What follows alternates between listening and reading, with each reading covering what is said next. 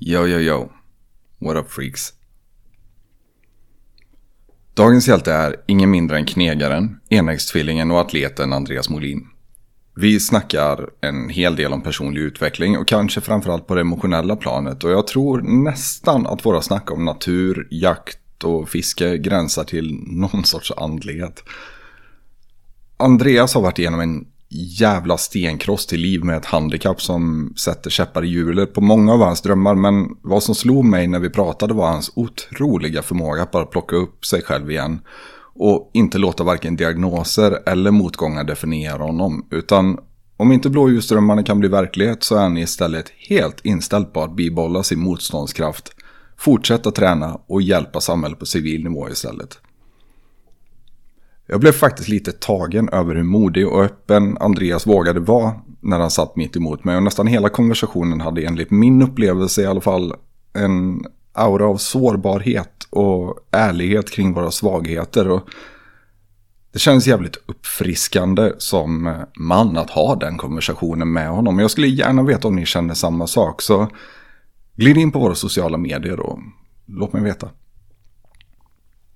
Vi lever i oroliga tider. Det varnas för krig i Sverige.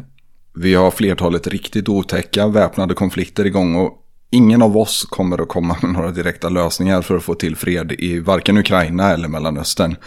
Och jag hoppas verkligen inte att världsledarna kommer att fråga mig om vi ska lösa allt, för jag har inget svar.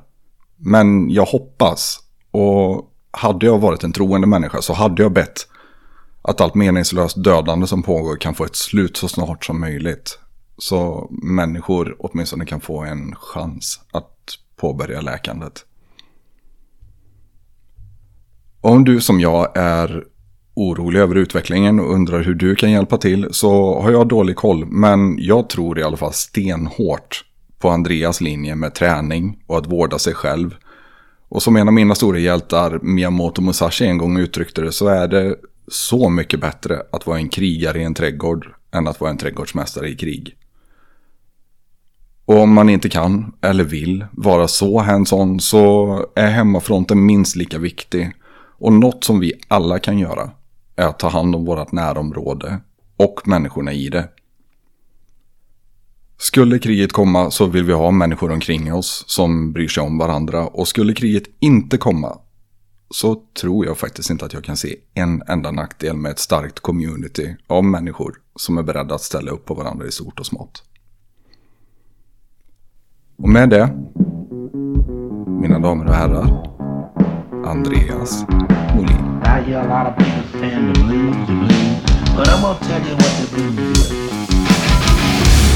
When you ain't got no money, you got the blues. When you ain't got no money to pay your house, you still got the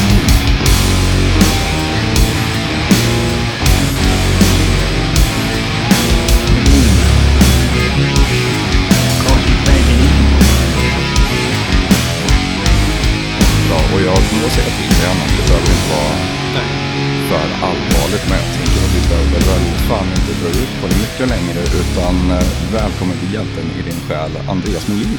Ja, jag tackar för det. Ja, Kul att vara här. Tack så hemskt mycket för att du kunde känna, eller kände att du kunde ta dig tiden. Det är skitkul att ha dig här. Ja, jag uppskattade förfrågan som du skickade precis när du skulle dra igång alltihop. Ja men fan vad roligt. Jag tänker att Ja. du är ju tillräckligt mycket psykfall för att sitta här och prata med mig ett par timmar i alla fall.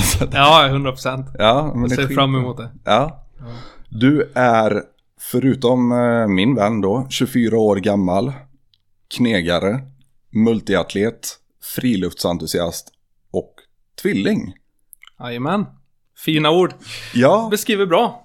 Ja men det tycker jag faktiskt. Ja. Och förutom det så tycker jag också att du har ett jävla framåtlut i allt du gör. Och det är någonting som jag verkligen tycker saknas bland väldigt många unga. Eh, De saknar mål ofta och saknar ofta kunskap i hur man ska gå efter mål också. Och där Så- någonstans så tycker jag att du blir en väldigt intressant person. Ja, och jag kan inte annat än att hålla med. För, ja verkligen så. Det känns som vi unga som kommer upp nu och strävar efter olika saker inte riktigt vet hur vi ska gå eller till, alltså hur vi ska göra. Och egentligen så finns det ju inget bra svar på det utan det är väl bara att gå ut och göra det. Har du någon känsla för någonting så vad, vad stoppar dig till att gå efter det liksom? Jo, men det känns lite också som att vi har fått en sjukdom av möjligheter i den här världen. När jag, nu kommer jag låta skitgammal och det är jag också. Jag fyller 40 i år ändå liksom. Så att jag är väl över mittsträcket rent realistiskt sett Ja. med mina vanor. men nej men alltså när jag växte upp vi hade två tv-kanaler och en halvtimme, timme barnprogram per dag. Det var det som fanns i underhållningsväg. Ja. Radio var ju inte direkt riktat mot barn överhuvudtaget. Jag läste jävligt mycket för att fylla upp all dödtid. Men ungarna idag har ju inte det problemet utan de har ju istället ett problem med att de har för mycket val i allting. Hur många gånger öppnar man inte Netflix och så har du 20 minuters pillande och scrollande innan du hittar någonting som du kan äta till? Exakt. Och det är inte bara... Folk kan inte ens sitta ner och vänta på en buss i 10-15 minuter utan att behöva små, små, små dopaminkickar. Alltså som kommer via olika appar på telefonen där liksom. Det känns som att vi hela tiden behöver någonting som kommer till oss. Och vi kan inte bara gå in i oss själva och bara andas ut lite. Och till exempel, ja, vänta på en buss. Eller vad det nu är. Är det någonting du jobbar med med den här mindfulnessen och bara försöka ta en stund för dig själv och andas när du har tråkigt eller vad? Ja, jag, förs jag försöker tänka på det. För det blir väldigt mycket och jag känner själv att när man väl kommer in i den där loopen som bara snurrar och snurrar och sen så helt plötsligt alltså har du tappat bort hur många timmar som helst på bara skit egentligen. Det där är ju ganska intressant för det är ju lite som att hela, hela populationen får känna på hur det är att ha ADHD. Ja, Alltså det här konstanta spinnet och det här full- fullständiga matandet med intryck som du inte kan filtrera. Nej men precis. Det har vi elektroniskt istället. Ja, och det, det är en sån enkel grej att ta till. Jag tänker på barnuppfostran, jag tänker på allt. Hur lätt är det inte att bara ge en telefon med några rörande gubbar som, alltså, som tar barnets intresse i eh, en stund liksom. Absolut. Det är absolut bra, det finns fördelar och det finns nackdelar med det. Men det går väldigt mycket åt också att man tappar bort sig själv i det. Ja, men jag tror på det också. Och jag tror också någonstans att mitt i alla de här valen så blir det full, äh, plötsligt jävligt svårt att hitta någonting som man gillar. Ja, för du får så mycket till dig hela tiden. Så du... Man, man känner till mycket personer som kanske får till sig någon sak. Och sen så liksom, ja, nu går jag för det här. Så går det en vecka så har de tappat intresset för det. Ehm, De blir distraherade på någonting. Men exakt, och eller bara inser att fan det var inte det här jag kände för egentligen. Det var bara en grej som kom till mig och det är ingenting jag går för. Sen så när man har gjort så 10-20 gånger, ja, vad finns det att hämta där ute när man hela tiden startar en grej men aldrig slutför det? Ja, men det är också ett jävligt snabbt sätt att få sig själv att känna sig värdelös. Ja, ja 100%. Och inte genomföra saker. Alltså det är, Ja. jag, om jag bara utgår ifrån mig själv, jag känner mig aldrig så kass som när jag inte genomför. Nej, men exakt. Det är som att hoppa in i klubb och köra ett par veckor och sen så skiter det för att man tappar intresset. Jag vet att vi, jag i alla fall, alltid velat pröva på så mycket som möjligt. Och det blir ju liksom, du kan inte gå in i någonting och sen inte slutföra en termin åtminstone. Jag menar, du har ju eh, föräldrar som ställer upp och kanske är coacher, tränare. Du har mamma, pappa i bästa fall eller någon liknande som kan skjutsa dig till träningarna. Det är mycket tid och det är mycket energi från folk runt omkring dig som spenderas till att du bara ska alltså skita i det, rent ut sagt. Jo men absolut, och nu är det kanske ingenting man kan lasta genomsnittsungen för, Nej. liksom att de inte riktigt vet vad de vill. Nej, Men det är, ju, det är ju lite ett familjeprojekt det där. Och försöka och hitta rätt. Hitta en sysselsättning där ungarna får vara, får vara fysiska. Jag tycker det är jätteviktigt. Jag har, jag har en jätteutmaning med det här med mina egna ungar. Att hitta någon, någonting som de gillar att vara fysiska i. För att hela samhället är ju på något vis gearat mot att vi ska vara så stillasittande och inte apiga som möjligt. nej, exakt. Och jag tror vi är otrogna mot våran inre apa väldigt, Ja. väldigt mycket. Och jag tror det är en stor del av varför vi är så inflammatoriska, varför vi är så snabba med att kasta skit på varandra eller reagera, sådana knee jerk reaktioner. Ja, exakt. Mycket onödig frustration i samhället tror jag beror på att vi är otrogna mot våran inre apa. Det sa du något som, alltså, som jag tycker stämmer 100%. För grejen är när man har gjort någonting fysiskt som är väldigt jobbigt och väldigt länge. Vad fan finns det? när du sätter dig ner hemma. Du har ju inga känslor på någonting. Du tycker inte illa om någon eller någonting. Du är nöjd med din prestation förhoppningsvis. Och du är till ro. Absolut, och jag, jag vet ju bara med mig själv, jag kan vara road rage-kungen. Ja. Jag är helt fantastisk på att liksom reagera och skrika rakt ut ibland rent av, liksom när jag är lite frustrerad, lite stressad. Men när jag är på väg från klubben Ja. och är på väg hem och någon beter sig som ett jävla arsle så brukar det vara liksom, fan, hoppas det går bra för dem. Ja, men De, de hade säkert bråttom någonstans, jag hoppas det Ja. går bra för dem. Exakt, de har bråttom någonstans eller de kan ha varit, alltså det kan ha hänt vad som helst med dem. De har bråttom till någon närstående eller vad som helst. Ja, men för Visst. två timmar sedan så hade jag velat döda dem för samma move. Ja, exakt. Så det, man måste ju börja hos sig själv. Du kan ju inte lägga på grund av att någon gör något litet, litet fel. Det blir så dumt att lägga det. Sen fattar jag att du kan ha varit med om en skitarbetsdag eller vad som helst. Och vara uppe, uppe i varv, stressad och hela biten. Och sen så får en liten sån grej bara att rinna över. Men om du istället bara är lite lugn och, och sansad. Och speciellt efter ett pass, det är då man blir det. Ja. Fysisk aktivitet, det finns ingenting bättre i min, alltså... I, i min vetskap liksom. Som Nej, kan lugna sådana situationer. Och vi har ju också, ja, jag har väl nämnt det här flertalet gånger och folk är säkert trötta på att höra det, men vi har exakt samma jävla hårdvara som stenåldersmänniskorna hade. Ja, Exakt samma kroppar, exakt samma fysiska behov och det är oroväckande hur stillasittande vi har blivit på väldigt få år.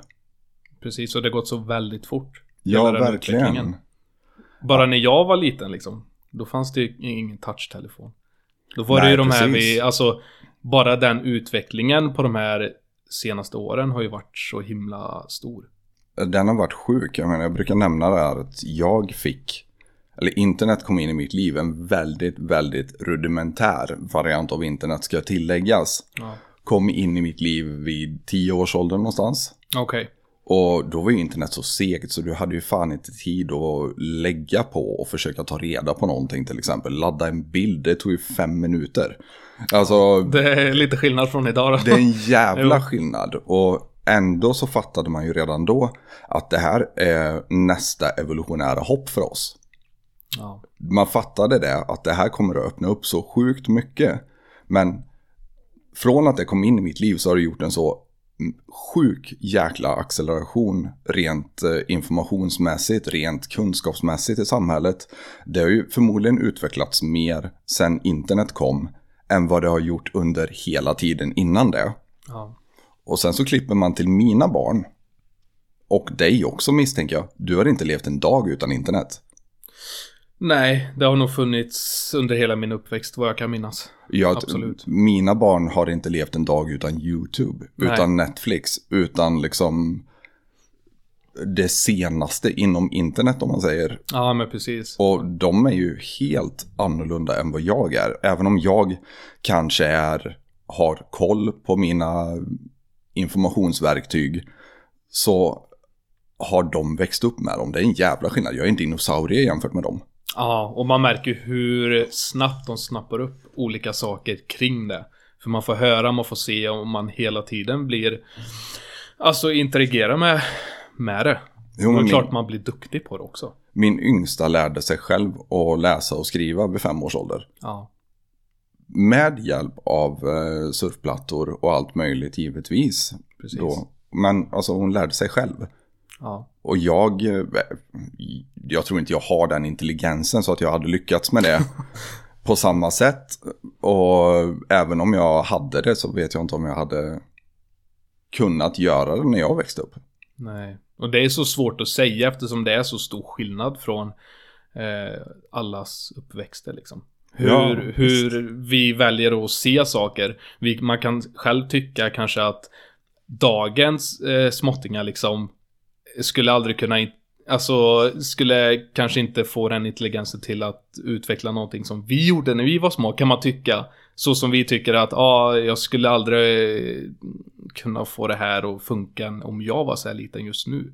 Men det är ju vad man växer upp i och alltså hur man ser på saker. Absolut. Det är något Och- man... När vi ändå är inne på uppväxten här lite, vi berörde ju det att eh, du är tvilling. Vi, när vi träffades så var ju det via Colosseum Fight Center som alla andra i den här podden Ja, höll jag på att säga. Jag tror vi är uppe i en hittills som inte har någon koppling till Ah, Colosseum okej. Fight Center. Så att, men vi kallade ju dig och din till, tvillingbror för TJ och TJ för ni är så sjukt li, lika TJ Dillashaw. Ja, Ja, det, ja, det är sjukt att höra för det var, det var en, en polare som sa det ganska nyligen. Och ja, det är, det är väl en bra koppling. Han är ju maxad liksom. jo men absolut, en Jo. fantastisk atlet och Ja, verkligen. grym teknik. Ja, ja herregud. fantastiska strategier. Alltså jag kan inte göra annat än att beundra den mannen. Sen om han har poppat på EPO eller någonting, det, det är Ja, det inte får vi- schysst. Men eh, samtidigt så känner jag ändå att EPOn gjorde inte jobbet. Exakt. Det gjorde det inte. EPOn lärde inte honom de sjuka vinklarna som han använder och sätta det grymma tempot och använda kondition som ett vapen. Nej, exakt. Även om du tar EPO så ger inte EPOn dig strategin av, hur du ska använda konditionen som ett vapen. Exakt så. Så att, eh, nej, han må ha poppat oclean vid något tillfälle, men vilken jävla fighter. Ja. Jag kan inte annat än hålla med. Och jag, familjen där vill jag minnas att jag har träffat lite. Har din storebror också tränat på klubben lite? Precis. Han, Ja. ja. han var nere och jag tror han höll på, vi pratade lite om det för ett tag sedan och han, jag tror han höll på lite efter mig också. Men det stämmer. Så Ja. mina två bröder och tvillingbrorsan och storebrorsan har hållit till där nere. Ja, precis. Jag har för mig att vi träffade resten av din familj också vid något klubbmästerskap där. Jag har ett Ja, jävla underbart minne från. Um, under klubbmästerskapet så satte vi ihop lite ja, men, vänskaps-MMA-matcher. Bara för att ja, men, du vet, få visa släkten vad man håller på med eller vad det är. Liksom.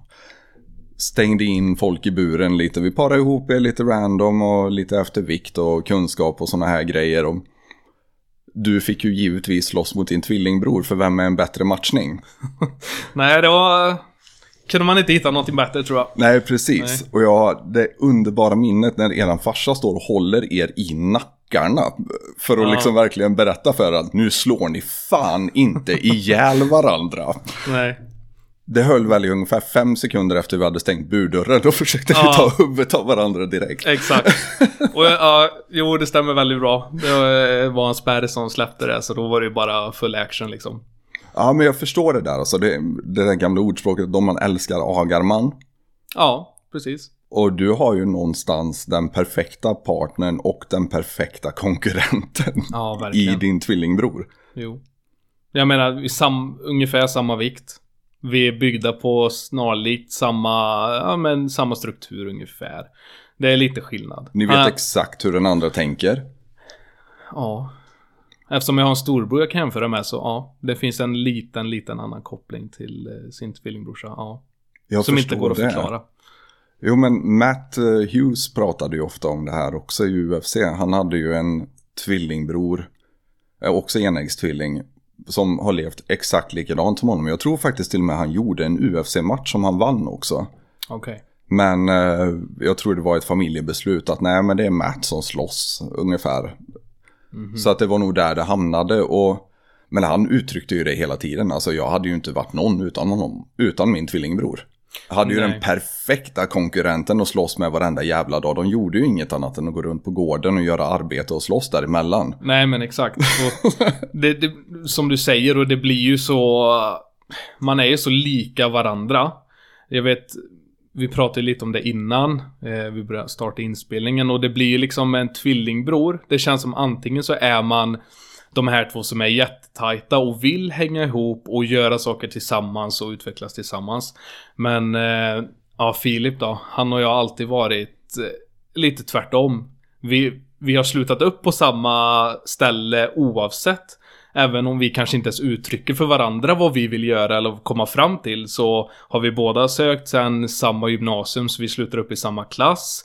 Vi båda vill börja träna MMA så då gör vi det tillsammans. Så för allmänheten utåt så ser det ju ut som det. Men eh, det finns två, ja, väldigt olika karaktärer bakom de två likadana nyllorna liksom så. Jo men självklart och jag, Ja. det här är jätteintressant för jag hade Pontus Lundin här i förra avsnittet.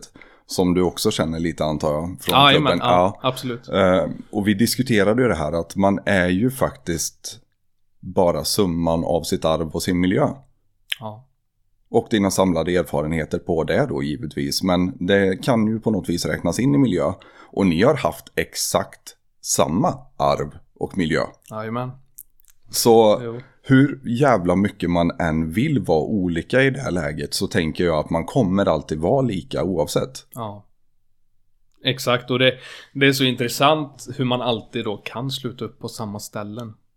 Det, det är det som blir så spännande, för det är ju någonting som tilltar oss båda gentemot alltså samma intressen och så här. Även fast vi inte fysiskt ofta pratar om det till varandra. Så Ja, men jag tänker så. ni delar ju 100% DNA. Ja, vi gör ju det. Ja, Ja, exakt. bara Så- den grejen Ja, är ju en enorm koppling. Att ni dessutom har växt upp ihop exakt. och har exakt samma erfarenheter genom livet då, i alla fall de tidiga åren. Ja. Det är klart som fan att det måste forma sjukt mycket. Mm. Och göra så att ni blir ganska lika hur olika man än vill vara. Mm. Så är det ju. Absolut. Men det finns någonting eh, där antar jag, alltså ur tvillingperspektivet. För att alla tvillingar jag känner hyllar ju någonstans likheten givetvis. Men samtidigt så finns det ofta en liten frustration över att man alltid jämförs med sin, med, med sin syskon helt enkelt. Ja, och det är väl egentligen därför man kanske inte öppet vill säga att man tycker om samma grejer och att man håller ihop på det sättet. För då blir man också en och samma person. Ja, men ni Och- är ju också konkurrenter. Du kan ju inte säga att du tycker om samma saker som den där jävla. Nej, det, det, blir ju, det blir ju så. Och, och grejen är, man, skola och jobb och hela den biten när man har varit på samma ställe har vi också slutat upp på vissa, i vissa områden. Och då har ju till och med det varit så att, ja, Molin liksom. Då heter, båda heter ju Molin. Och då liksom, ah, Molin får skit. Och jag bara, ah, men jag jobbade inte ens den dagen, det var ju min brorsa. Ah, ja men skitsamma, jag säger det till dig så får väl du informera honom. Alltså lite sådär. Sånt är jävligt frustrerande. Faktiskt.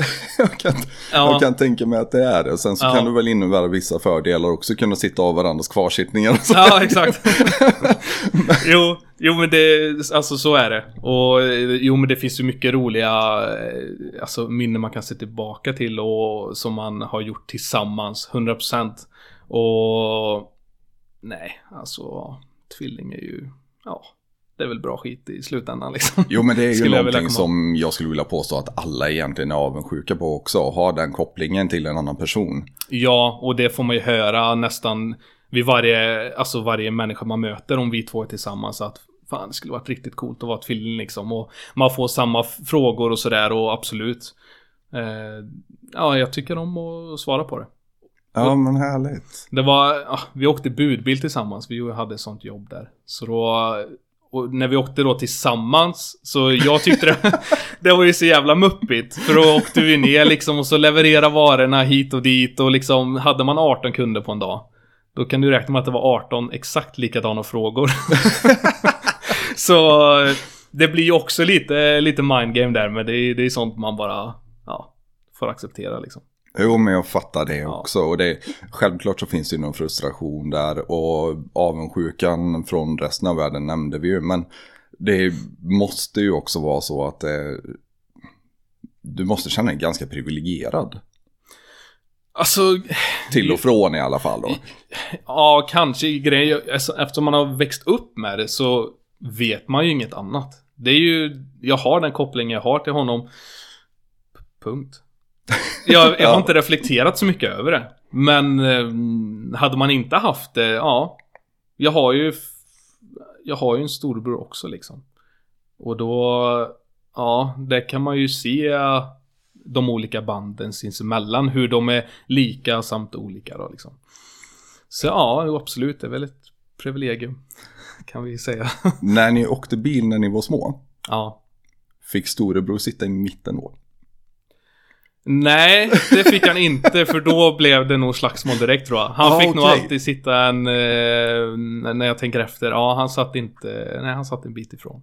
För jag tänker, Mm. tvillingar, ni måste veta exakt vilka knappar ni ska trycka på. Det kan inte ta mer än fem sekunder från att ni hamnar på samma ställe tills ni slåss ifall ni har en dålig dag. Nej, exakt. Men, och grejen var med vår storebror kanske, då, då parade jag och Filip ihop istället. Så då gick vi mot honom. Så att ha oss tre på samma plats Ah, slutade ju ofta fuck. inte så bra. Ja, Det där är någonting jag känner igen också. Alltså, några av mina bästa vänner är ju tvillingar. ja. Och det, de kan vara hemska mot varandra. Vi pratar eh, biljardköer som har smält i bakhuvudet på varandra och sådana här grejer när man har tappat humöret va. Jajamän. Men var det någon jävel som var på den ena så var han ju slagsmål med båda. Ja men det, ja. 100, ja men 100 procent. Ja, Ja, och, och så, så är det ju. Jag tror alltid det kommer vara så. det är lite ja. som Tidaholmare utanför staden liksom. Exakt. Exakt. Nej och, nej, och det är väl där det finns mycket som vi säger till varandra indirekt utan att öppna munnen liksom. Och jag Ja. tror också att är man ute på stan till höger och vänster och sådär och att det finns, vi kommunicerar på ett annat sätt utan att behöva då. Och det kan man ju koppla till bra vänner också. Så kan det ju vara när man känner varandra väldigt väl. Men eh, ja, det Men finns vem annat. känner du så väl som någon du har delat hela livet med och samma DNA? Nej, exakt. Det, det finns nog, nej, det är väl väldigt, väldigt få. Ja, så är det ju. Jag menar, jag kan känna igen eh, mina egna tendenser i min bror till exempel, som är fyra år yngre. Ja. Vi, kanske, eh, vi känner igen väldigt mycket i varandra, men samtidigt är vi ju extremt olika, för vi delar inte samma mängd arvsanlag. Liksom. Ni är i stort sett, ja men ni har skapats exakt likadant. Ja, det har vi. Så, Och känner man då sig själv ganska väl, vilket jag antar att din bror gör också. ja, Eh, absolut. ni har ju verkligen testat era gränser och eh, ja, men utmanat er rent, eh, vad ska vi säga, rent utvecklingsmässigt. ja, så, Så, är det. länge jag har känt er i alla fall. Ja, och... Ja, jag, jag, jag har utmanat mig. Gränserna har jag nog inte nått än. Nej. De utforskar jag fortfarande liksom. Det är väl en ständig, alltså så här grej som man försöker liksom. Ja men det är så jävla coolt, för hur hittar man dit till att man utmanar sig och att man är så intresserad av utveckling i den unga åldern? Ja. Det... alltså man, man är ju med om olika saker under uppväxt och, och hela biten. Och då kommer det ju... Det kommer ju vägskäl. Antingen så kan man välja att stå och stampa. Eller så kan man faktiskt ta nya vägar. Och när man förstår det. Och, och man förstår också att kanske vägen är... Även om man har älskade runt omkring sig så är vägen, den är ensam. För det är ju ditt liv och du får göra någonting med det. Jag tycker att när man väl har förstått det. Och det har jag väl gjort under de senaste åren här. Det är ingenting som har varit med super, super länge. Alltså det har legat och och grott förmodligen. Men som jag har förstått. Och då, när man bara kan inse det. Då tycker jag också att det blir en bra effekt av det. Och jag tänker att det blir mer och mer. Eh, hur ska man beskriva det? Blir snöbollseffekt liksom. Jo men en bra sak leder till en annan bra sak för det mesta. Ja, exakt. Eh, Jag jobbade ju tidigare som försäljningschef och säljare då. Och det var ju någonting man kände där också. Momentum är ju en riktig sak. Ja, ja det är det verkligen. Börjar du liksom få igenom ett par affärer, då kommer det tre, fyra affärer direkt efter dem. Och sen om det är på grund av att snacket går, eller om det är på grund av att du ändå är inne i momentumet och jobbar med det. Det vet jag faktiskt inte riktigt. Men jag tror det är någon sorts kombination av de båda. Men det viktiga där, det är ju faktiskt det här att en bra sak ofta leder till en annan bra sak. Ja, så är det. Och det känns som att det momentumet kan ju många gånger man, man får en period där det är så, det är positivt och allting är perfekt. Ja, inte perfekt, det är bra. Um, och det leder se oftast, i alla fall nu då, så antingen in i en vägg eller lite snett åt sidan och det blir en liten ny eh, momentum man hittar liksom. Eh, vi kommer ju prata mer om det om en stund förmodligen. Den väggen som jag slår in nu då. Eh, Ja, absolut. Vi kan ta det direkt. Vi behöver absolut inte vänta. Men eh, du har haft lite hälsoproblem, har jag förstått. Ja, exakt. Och det, det är ju från uppväxten egentligen en diagnos som heter PERTES. Eh, Förklara gärna vad det innebär. Ja, det är ju höften fick inte tillräckligt med alltså syrerikt blod eller blod till sig. Och när den inte får det så ja, deformeras den. Och, Vilket tillfälle är det vi pratar att den inte får eh, tillräckligt med syre? Är det under, eh, är det under tillväxt eller är det... Ja, jag tror det, för det kommer oftast är sjukdomen, eller diagnosen mellan 3 och 9 år är vanligast. Och vanligast hos män har jag läst mig till också. Så det är ingenting man föds med utan det är någonting som utvecklas under tiden som Ja, du precis som växer då? Ja, eh, har jag fattat för. Och då, ja, när den inte får eh, blodcirkulation till sig och då blir den ju dum och konstig liksom. Och då blir det inflammerat och det gör ont och stelt och, och sådär. Eh, så att då var väl föräldrarna som såg att jag började halta redan på dagis liksom. Så gjordes det lite tester och så, ja, kom väl första operationen där någonstans. Jag vet inte hur gammal jag var men, ja, väldigt ung liksom, på dagis någonstans. Så det de gör först då eh, så går de in och så sågar de av eh, vad jag fattar för lårbenet uppe vid, ja men vid höftkulan. Sen så ändrar de då riktning eh, så att för om den ligger ur den här skålen, jag har lite svårt att gå in i det sådär, men om den ligger så att den inte kan läka i skålen där höftkulan ligger eh, så funkar ju inte hela processen. Så då får de ändra riktning och peta in den med hjälp av skruv och hela den biten då. Så ja, det är ganska stora operationer så sett. Låter smärtsamt. Ja, det är det. Ja, verkligen. Alltså, du började med det här vid fem års ålder eller vad säger du? Ja, Eller- någonstans där. Någonstans där. Shit. Ja. Alltså, hur tacklar man det som barn? Nej men jag har ju bilder liksom i fotoalbumerna på dagis. Grejen är, jag vet inte, det finns olika kanske tillvägagångssätt. Men det jag fick då eh, gipsade de båda benen. Och så satte de dem i en viss vinkel som, som en groda liksom. Och så en stång emellan. Så att jag under, under månader åkte bara rullstol. Och hade benen rakt fram liksom. Åh herre Som en, jävlar. ja, bara för att det skulle läka i den vinkeln de hade ändrat det till, antar jag. Ja, eh, det är min diagnos, jag borde ha bättre koll på den, men eh, ja, det är min tolkning just nu i alla fall. Alltså, måste jag fråga lite för att jag är extremt bra på att förtrycka saker. Både som försvarsmekanism och som mekanism för att få skit gjort helt enkelt. Ja. Jag är väldigt, väldigt bra på att ignorera smärta. Jag är väldigt bra på att ignorera tecken från min kropp. Jag är...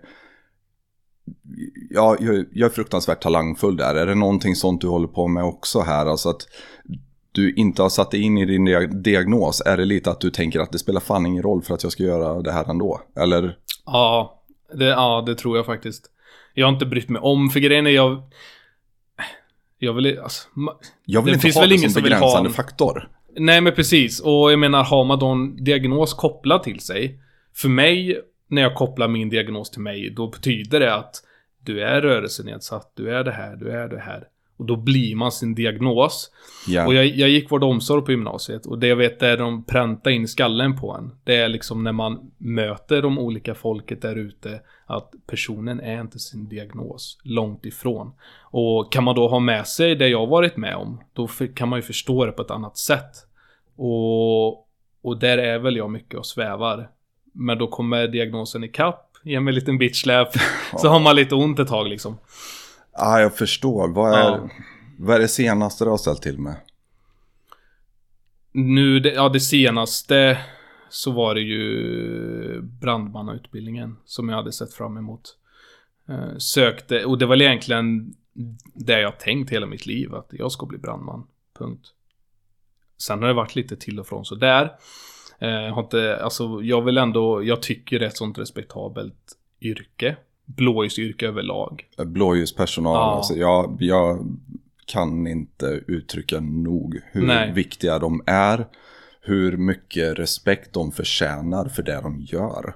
Och jag är fortfarande imponerad att det finns människor som vill dit. Ja, och för mig är det, alltså det är ju någonting man är. Jag kopplar ju det till en identitet. Sen vet inte jag om det är rätt eller fel. Men i, i min värld så tycker jag att, ja, skriver man på CVt att man har varit brandman eller liknande, alltså då får man också en liten bild av en person redan där.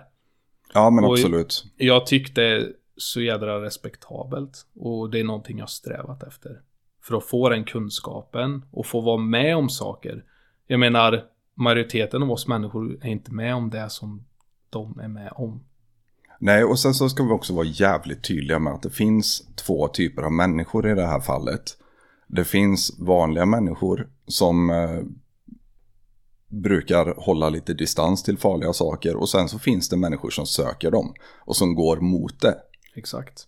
Och jag tror någonstans i det här så borde väl i våran lilla hjälte i själen Ja. så tänker man väl alltid, eller jag tänker alltid i alla fall att jag vill vara en sån person som går framåt. Precis, och det är väl som du sa, det... Jag, jag och en polare hade...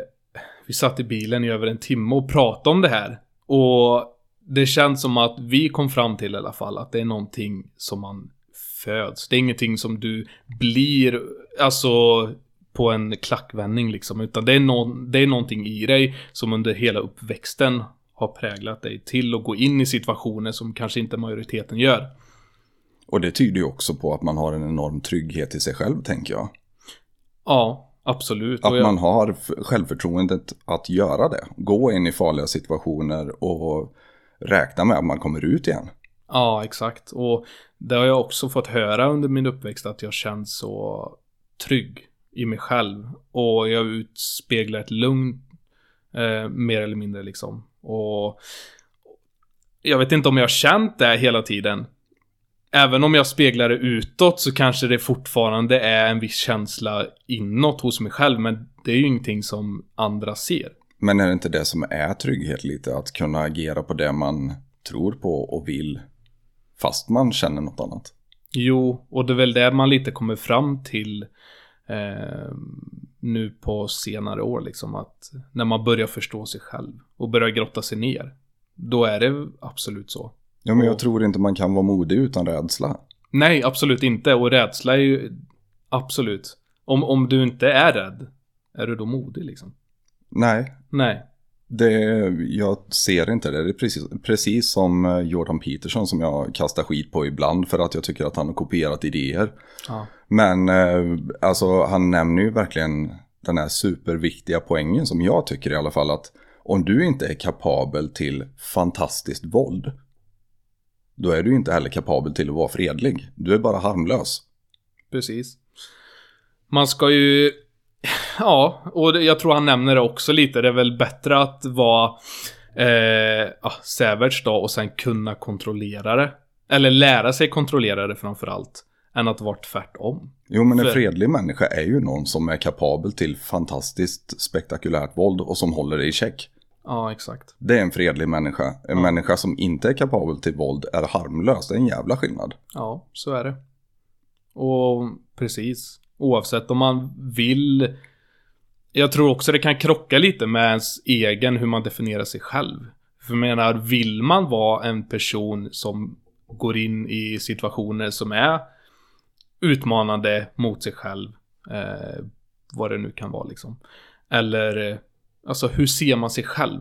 Det är väl det jag hade något Instagram-inlägg där man måste faktiskt våga också fråga sig själv vem, vem man är.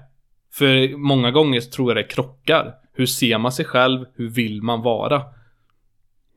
Har man inte det i alltså grundparentes, har alltså koll på det. Ja, det då du är upplagd för problem ifall du inte riktigt har koll på vem du är. Så är det. Ja, Och det där är ju The Art of War också en av mina favoritböcker. ja, Ehm, alltså att den, den befälhavaren som känner sig själv, som känner sin motståndare och som känner slagfältet kan inte förlora. Nej, för jag menar, vet du hur du själv tänker och vågar förmedla det, då kommer du också få reda på hur andra tänker. Och sen så har vi också nästa nivå där att du ska våga agera på Precis. hur du tänker också. Och det kräver också ett enormt jävla mod. Ja, Det gör det, för det kommer inte vara lätt. Det är aldrig lätt att vara den personen man vill vara. nej. Och det är väl det som är charmen med det. Att ja, faktiskt... någonstans. Ja, och faktiskt våga sträva efter det. Och framförallt tala om andra. Eller alltså tala för andra. Om hur, alltså om inte annat så visar det sig det automatiskt. Alltså när man väl tar action och, och börjar gå efter det liksom. Och så de här- visar det ju. De här insekt, eller, insekterna, insikterna Ja. som du har vid 24 års ålder är ju alltså en av anledningarna till att du sitter mitt emot mig just nu. Ja. För att, och jag tror det är därifrån snacket om att du har en inneboende trygghet kommer ifrån också. För att när jag var 24 jag hade inte en jävla aning om vad jag ville göra. Jag vet fortfarande inte vad jag vill bli när jag blir stor liksom. Nej. Och det enda jag vet är väl eh, ungefär vilken person jag vill vara. Vad jag vill lämna efter mig. Och vilket, vilket minne jag vill att människorna omkring mig ska ha av mig. När eh, mitt nummer kommer. Ja. Det är väl sådana grejer jag börjar komma till insikt om nu. När jag är halvvägs igenom. Hur fan hittar du dit så tidigt? Nej, ja, Alltså. det, ja, det är en bra fråga. Jag vet inte vad, vad man har, alltså. Jag, har man bara en strävan mot något bättre än vad du är just nu. Så kommer du inte stanna att utvecklas. Och det kommer öppnas upp nya vägar. Och du kommer hamna på ställen som du absolut kanske för något år sedan eller någon månad sedan inte trodde att du skulle hamna på. Och att inte kategorisera olika människor eller liknande. Utan faktiskt våga utforska allt.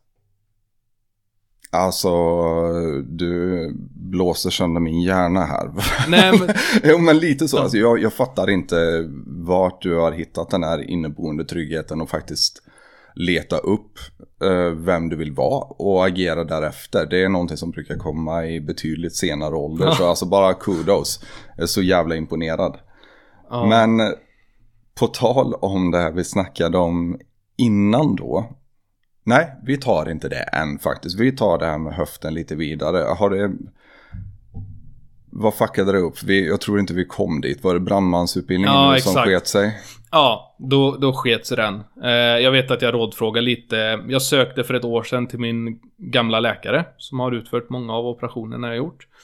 Vi pratade lite om risker och så med ett fysiskt arbete. Eh, som, som kan medföras. Ehm, och jag fick väl inga direkta signaler att du ska inte söka för att du inte, du kommer inte bli godkänd utan ja, det var mer så liksom och det, det är väl inte upp till han att säga bu eller bä. Absolut inte. Det är väl upp till mig att känna min kropp och om jag vågar eller inte söka.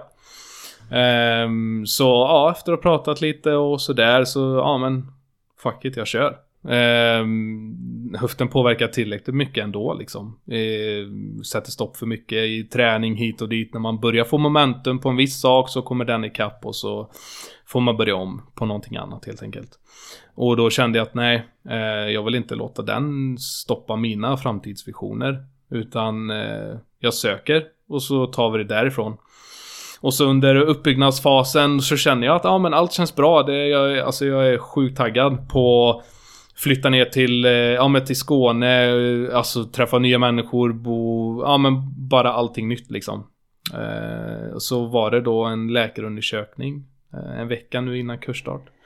Som, eh, ja, jag pratade med sköterskan först och nämnde mitt problem och det var, ja, jag vet inte, lite så här. Så var det läkarundersökningen efter då. Och då var det liksom, ja, Pertes, nej, vi kan inte, vi kan inte godkänna dig. Och då börjar... jag, jag vet inte, eftersom allt har gått så fort. Jag menar, det är ju, jag vet inte om det är tusen eller fler som söker utbildningen. Det är hundra platser. Meritpoängen är väldigt höga för att, eh, ja, det är svårt att ta sig in. Eh, kom in. Allt går bra, träning går bra. Det blir bara så här allt positivt. Och sen när jag sitter där och får höra det på en... På ett par sekunder liksom. Så kunde jag inte koppla det först. Det blir bara helt tomt. Så. Eh, I och med att jag har lagt hela min eh, krut på det. Att jag ska bli ett, någon form av blåljus. Jag har ju känslan av att, också att du är en person som lägger femårsplaner. Att du har långa planer framför dig hela tiden och det blir väl...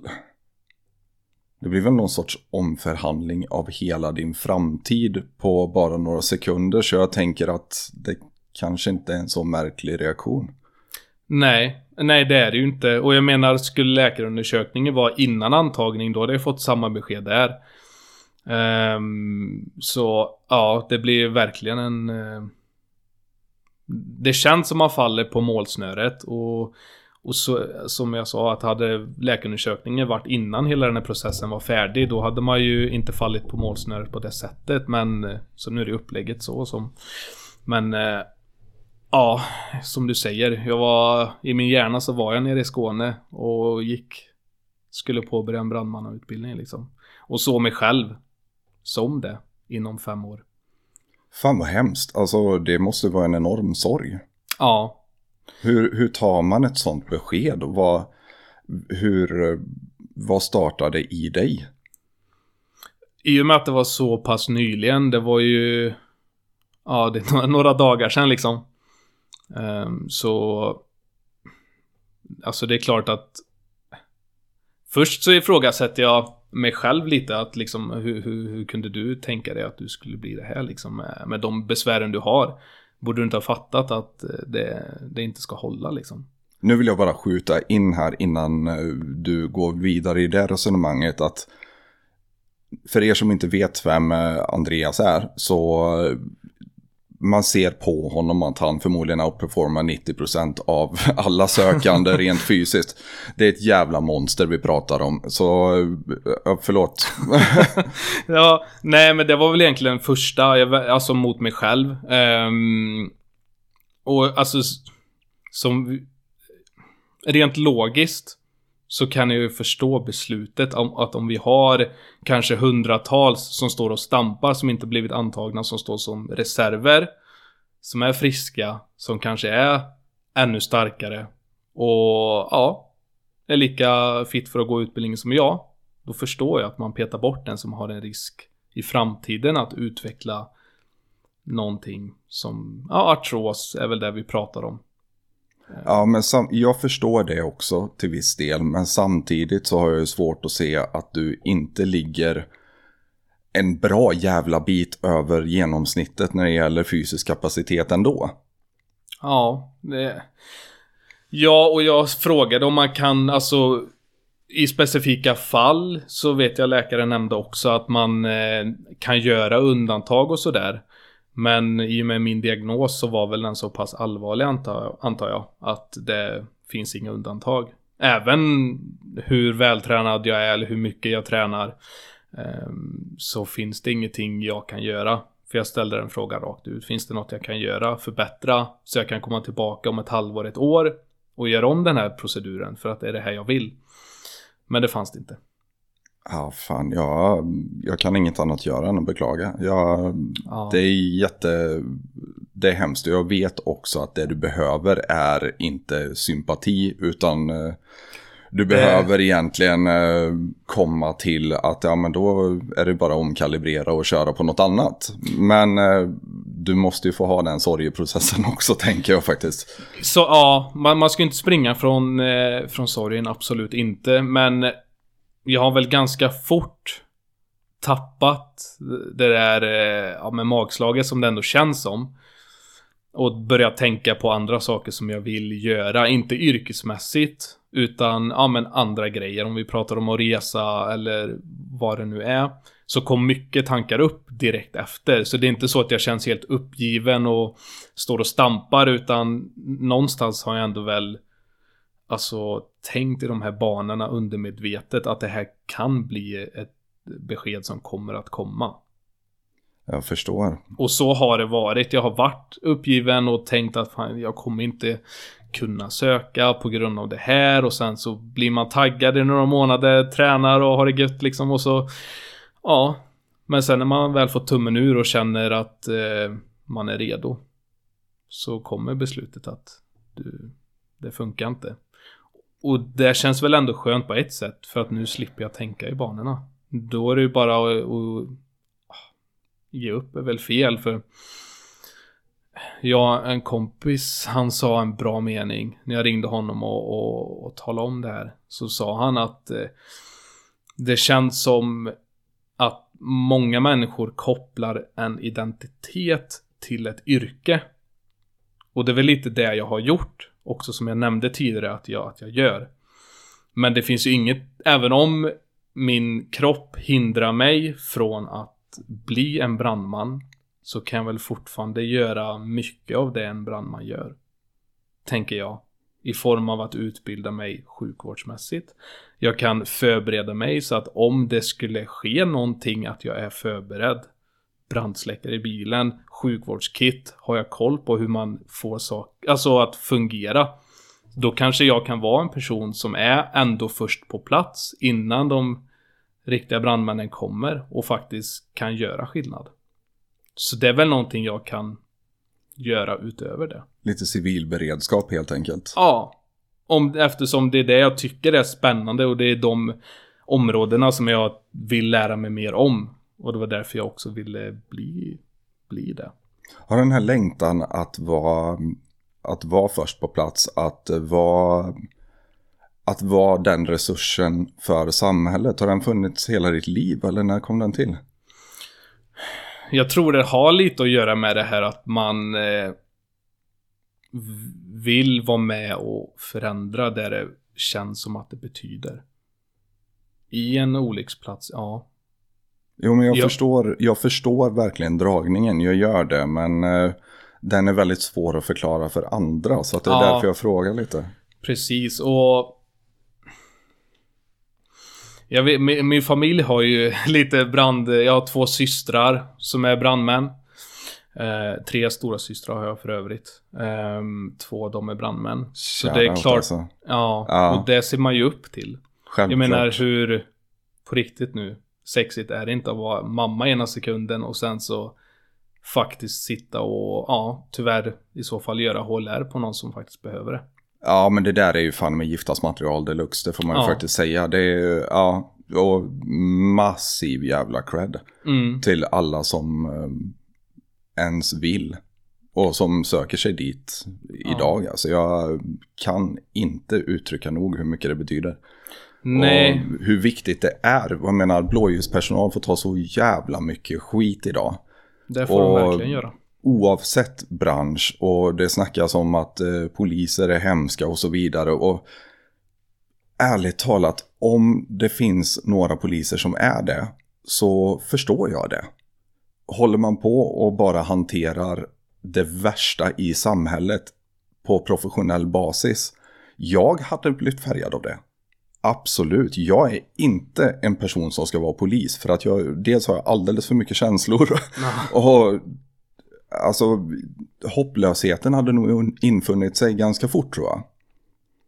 Så är det absolut. Och Så- jag vet. Bara kärlek och respekt till alla som fortfarande vill och som kämpar på där ute. Ja, 100%. Och blå, blåljuspersonal, försvarsmakt, vi har alla sjuksköterskor, undersköterskor, läkare. Som har varit en stor, stor del av min uppväxt. Jag har sett hur de arbetar. Ehm, och kan inte mer än annat bara tacka för det liksom. Nej men hela samhället är ju fan med fyllt av superhjältar på olika nivåer. Det är inte bara de heller. Jag menar, kolla alla som går runt på våra industrier för att sätta Ja, mat herregud. på borden för ungarna liksom. Det är... Hela svenska samhället är fyllt av superhjältar som ingen någonsin ger någon cred. Det ska vi vara jävligt tydliga med tycker jag faktiskt. Ja, det, jag håller verkligen med. Det, ja. Sverige, det, det är ett bra land. Ja men det är det verkligen. Men vad händer nu då? Vad, vad tänker vi? Är framtiden, har vi möjlighet att kolla på polisyrket, eh, militärtjänst? Jag vet inte vad... Precis, man, när man skulle mönstra nu då i slutet på gymnasiet här, då fick man ju fylla i det här och då när jag berättade om min höftdiagnos så ville de inte ha mig då. Och den läkaren som jag pratade med sa väl också att eh, Plikt och prövningsverket kanske är något vassare till och med. Än, alltså kravmässigt. Så jag kan ju inte säga något förrän jag har sökt allvarligt och gjort tester. Men jag har ju svårt att se för då, eftersom de utgår mer eller mindre från samma stadgar och hur de vill ha sin personal fysiskt liksom. Jo, men jag förstår. Jag, på papper så ser det ju ganska illa ut, men jag tänker att eh, om du gjorde fysiska uttagningsprövningar bara så är jag ju helt säker på att du skulle isa skiten ur dem. Så att det är ju den, den frustrationen jag ser lite och jag misstänker att du känner av den frustrationen ganska mycket också. För att eh, det är inte så att du har legat på latsidan precis. Nej, och exakt så. Det är ju det är just det. Man kommer tillbaka till den här bilden av ens eh, ja, men sjukdomshistorik liksom. På papper så kan det se jättehemskt ut. Sen när man kollar på personen när man har den framför sig så ja, då kanske man ser frisk ut. Det ser inte ut som man har några begränsningar. Men sen så, ja. Teoretiskt så är jag ju medicinskt icke lämplig till sådana yrken. Ja, men jag förstår. Så det krockar. Ja. Men eh, som sagt, du outperformar ju ganska många jag eh, känner till och med. Och jag skulle faktiskt beskriva dig som lite ovanlig bland ovanliga människor. Oh, ja, det, och, det var en ja, fin titel att säga. Jo, men jag, jag, tycker faktiskt det. Du, du sticker ut bland ovanliga människor till och med. Och det ska du fan med ha med dig. Men jag tittar lite på den här fantastiska presenten som du tog med dig till mig. Ja. Vill du vara snäll och prata lite om den och berätta vart fan den här galenskapen kom ifrån? ja, alltså det är ju... Ja, det är ju egentligen streck på en liten whiteboard. Mer ja. än så är det inte, men de strecken betyder ju någon sak. Vi kommer att lägga ut det på Instagram här sen också. Ja. Det är ta mig fan en av de eh, finaste presenterna jag har fått i mitt liv tror jag. Det där är, det där är kärlek. Det var också så sjukt för jag har ju eh, noterat att de övriga gästerna har tagit med något och jag stod och tänkte innan jag skulle åka hit att jag vill ju Jag ska inte bara ta med något för att ta med utan jag vill ha någonting som betyder någonting för mig.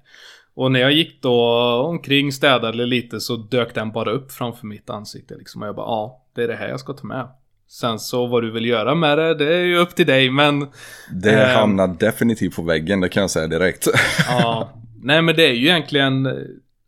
När jag gjorde mitt eh, pull-up-rekord då. Nu, ja i Sverige säger man kanske chins. För jag har handflatorna in mot stången och inte pekande mot mig. Men eh, jag säger pull-up för det, jag tycker det, det låter gå i mina öron. Jajamän. Eh, och då gjorde jag det 2000 stycken. På 10 timmar och 38 minuter står det här på whiteboarden. Det var ju så lång tid det tog. Jag vet, jag följde dig lite på sociala medier under tiden som du gjorde det. Alltså, jag vågade knappt tro på att du skulle genomföra det. Ja. Ärligt talat. Och, men förklara lite för mig hur känslan var under tiden. Ja, men grejen är, det, det var egentligen min polare som kom till mig och så sa han eh, David Goggins. Och han, han, han, nämnde det jävla namnet. Den motherfuckern ja. alltså. Han har förstört många dagar för mig. ja, det är, en, det är en härlig man. Men eh, han... Eh, och jag brydde mig inte om att googla det namnet. Och så höll det på sig ett tag. Och sen så bara, ja men fuck it, jag kollar upp. Och då fastnade jag direkt. Um, på grund... Stay hard motherfucker! Stay hard! men det är alltså, det är på grund av hans ärlighet till mycket. Så som han, om man kollar hans uppväxt och så här, men framförallt hur han väljer att tackla problem. Och Solklar vi... hjälte. Ja. Solklar. Ja Bara... men det, alltså liksom, och det var det vi pratade om, långvarig fysisk aktivitet. Det finns ingenting bättre jämte mot din omgivning och dig själv. Um, och då kom jag in i det här lite och då vet jag, då gjorde vi, ja, Då gick vi 6 mil med lite packning och sen gjorde vi 200 pull-ups. Och sen en vecka efter det, då sa vi ja, nu gör vi, nu ska vi sikta på över 1000 pull-ups på ett tillfälle. Förlåt, jag måste bara pausa dig där. Jag älskar hur det bara glazade över också. Så gick vi sex mil med lite Ja. packning och gjorde 200 pull-ups. Vanlig tisdag liksom. Ja, men precis. Ja, men det, det, ja det, vi bestämde det vid tillfälle, nu ska vi utmana oss. Så gjorde vi det. Eh, Vilka är vi förresten? Eh, jag och en kompis, Joel. Ja, okej. Shoutout. Ja, fan Jajamän. med respekt till Joel. Ja, Ja. 100%. Mm, en vecka, då gjorde han det. Jag åkte på någonting med ryggen, någon lit- lätt inflammation så att jag eh, hade jävligt ont och kunde inte utföra det. Eh, dock en vecka senare tror jag att jag hängde mig i stången och körde då. Han gjorde nog 1100 och då sa jag då ska jag vara bättre så gjorde jag 1200. eh, och då var det jag var inte, vi var inte förberedda på det här. Vi hade ju gjort några hundra här och var och fått upp lite volym i våran träning. Absolut. Alltså 1200 pull-ups, hur lång tid? Hur lägger man Eh. upp setsen? Hur? Ja, exakt. Jag tror de 1200 tog... Jag kommer faktiskt inte ihåg om det var sju timmar eller liknande. Så vi kom timmet vid fem på morgonen och sen gick vi när vi var klara liksom. Ehm, men ja, och då liksom ja, när händerna sprack och det blev lite blodigt och sved så ringde jag en polare, kan du komma med silvertejp? Gjorde han det och några Snickers. August, tack så mycket. Välkommen till Slätta. Jajamän. Så då eh, tejpade jag händerna och körde på liksom. Ehm, sen var då de, dock, de 1200 var nästan skulle jag vilja påstå var jobbigare än de 2000 som jag gjorde. För det var första gången jag utsatte mig för en sån fysisk dränering. Så när jag kom hem så låg man mer eller mindre i fosterställning och mådde illa. Det var feberfrossa och hela den skiten liksom. Ja. Så vaknar man upp dagen efter och du... Det är som första gången man tränar rejält biceps på gymmet liksom, när du inte kan sträcka ut armen. Ja. Det blir en lätt inflammation liksom. Ja. Fast det här, det var, det var lite värre då. Eh, så det var... ah. Fast det var, kändes ändå bra. Jag tyckte det var roligt för då är det någonting som du har gjort mot dig själv.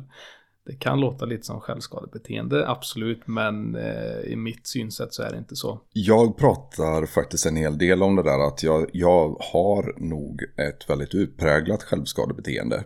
Ja. Och eh, jag måste fokusera det någonstans på någonting som är lite mer positivt. Så att eh, jag tror faktiskt träningen har tagit en del av den rollen för mitt självskadebeteende liksom. Men eh, det behöver inte vara så för dig Fred. Nej, precis.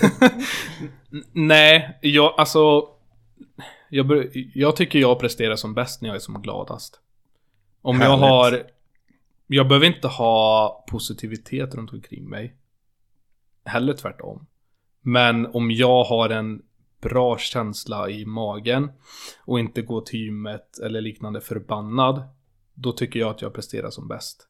Då känns jag fri på ett sätt. Fan vad härligt. Jag önskar att jag hade den i mig. Jag drivs ju av ganska eh, elaka saker alltså. Ja, men jag kan ju säga det när man hänger i räcket som det senaste då, 2000 pull-ups på 10 timmar. Då är man ju inte så positiv. Eller då har du ju inte den känslan. då är det ganska mörka saker man tänker och... Eh, ja men ta sig igenom, för det är ju en jävla berg och dalbana. Jo men det är klart det, när det är Ja. så länge också. Mm, hålla Det- på så länge. Och smärta från det man gör, absolut. Händerna mår ju inte så bra. Men rent emotionellt, det måste väl vara den som är svårast eller? Ja, absolut. Och, och motivera sig. För jag menar, jag gjorde fem varje minut. Det är, fy, det är 400 streck på den här eh, eh, whiteboardtavlan. Ett streck är fem repetitioner då. Så jag menar 400 gånger varje minut då. Med, oss, med lite vila emellan. Eh, jag gjorde 100 och sen kunde jag vila några minuter då. Så det, det är så jag räknar. Men eh, att 400 gånger ta och hänga sig i den jävla stången. Det, det känns inte bra, speciellt inte när händerna är vätskefyllda och det känns som tusen nålar liksom. Och armarna börjar ge upp, allting gör ont efter ett tag. Jajamän. Ja, det, det finns ingenting positivt rent fysiskt med det, förutom att även om du bygger valkar på händerna, vad bygger du då i sinnet? Du bygger, Ja, bygger ganska bra valkar där också. Absolut. Motståndskraft. Du har varit med om tuffa grejer. Ja men verkligen och jag... eh, Det finns ju nästan ett behov av det i dagens samhälle att leta upp de tuffa grejerna om man vill uppleva dem. För att det är ingenting som kommer naturligt för Sam- väldigt många.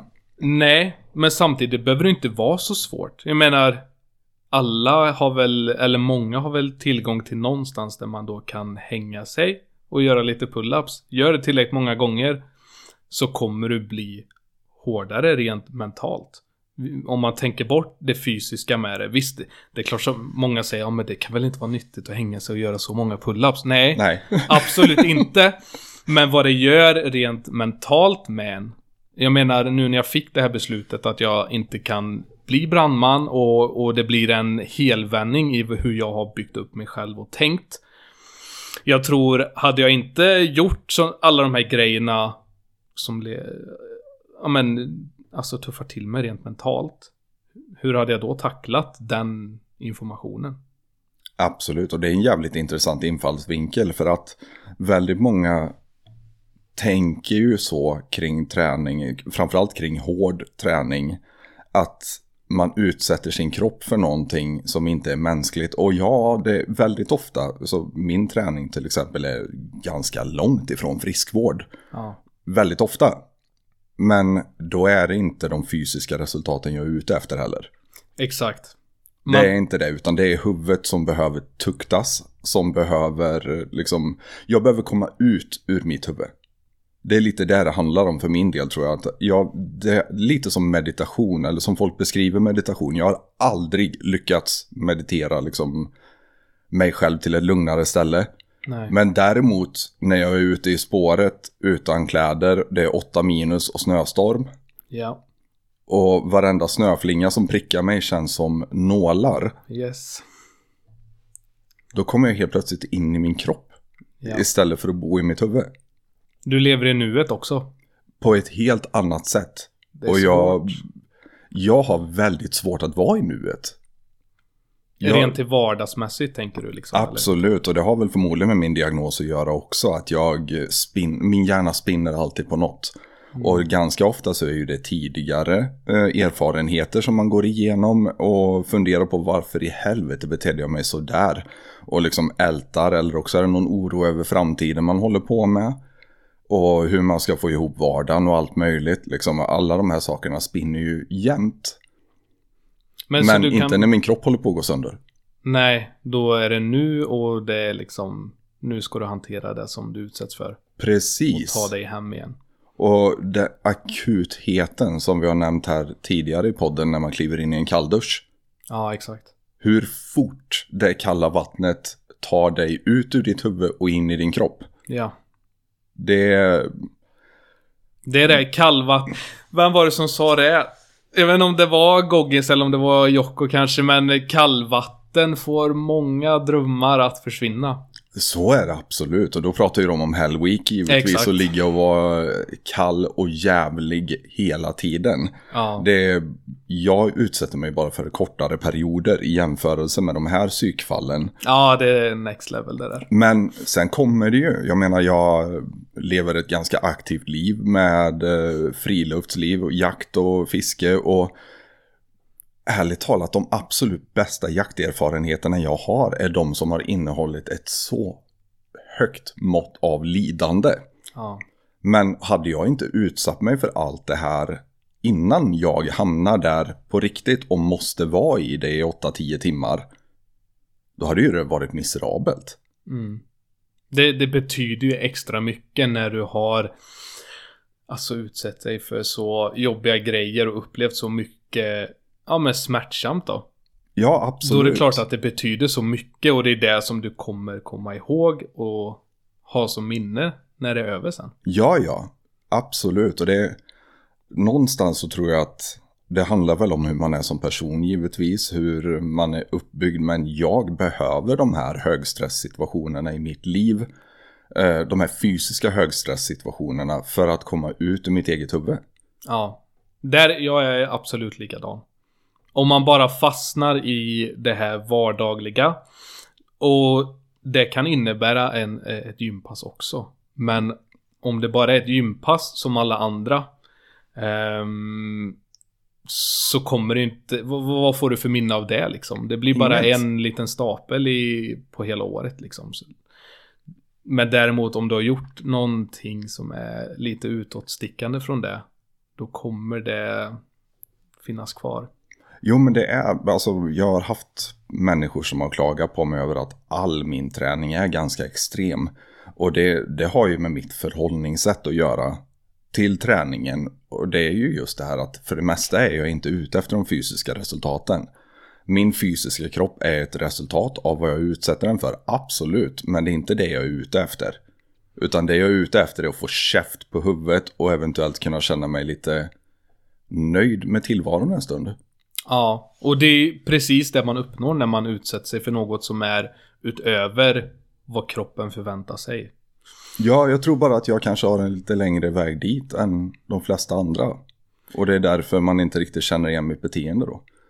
Ja, så kan det vara absolut. Men jag tror också att nu när fitnessindustrin är så stor som den är och eh, att många tränar för att det fysiska, alltså hur du ser ut och lägger så mycket värdering i det jämte mot ja, oss två som tränar kanske mer för det mentala. Vi vill ta oss vidare, vi vill uppnå och utforska våran egen kropp.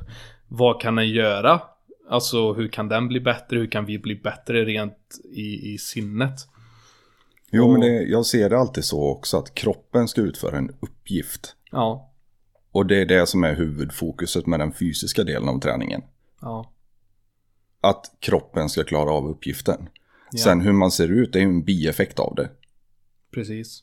Rakt av. Så att, eh, men jag förstår verkligen eh, pressen som eh, väldigt många upplever kring det här med fitness med tanke på hur klimatet ser ut idag.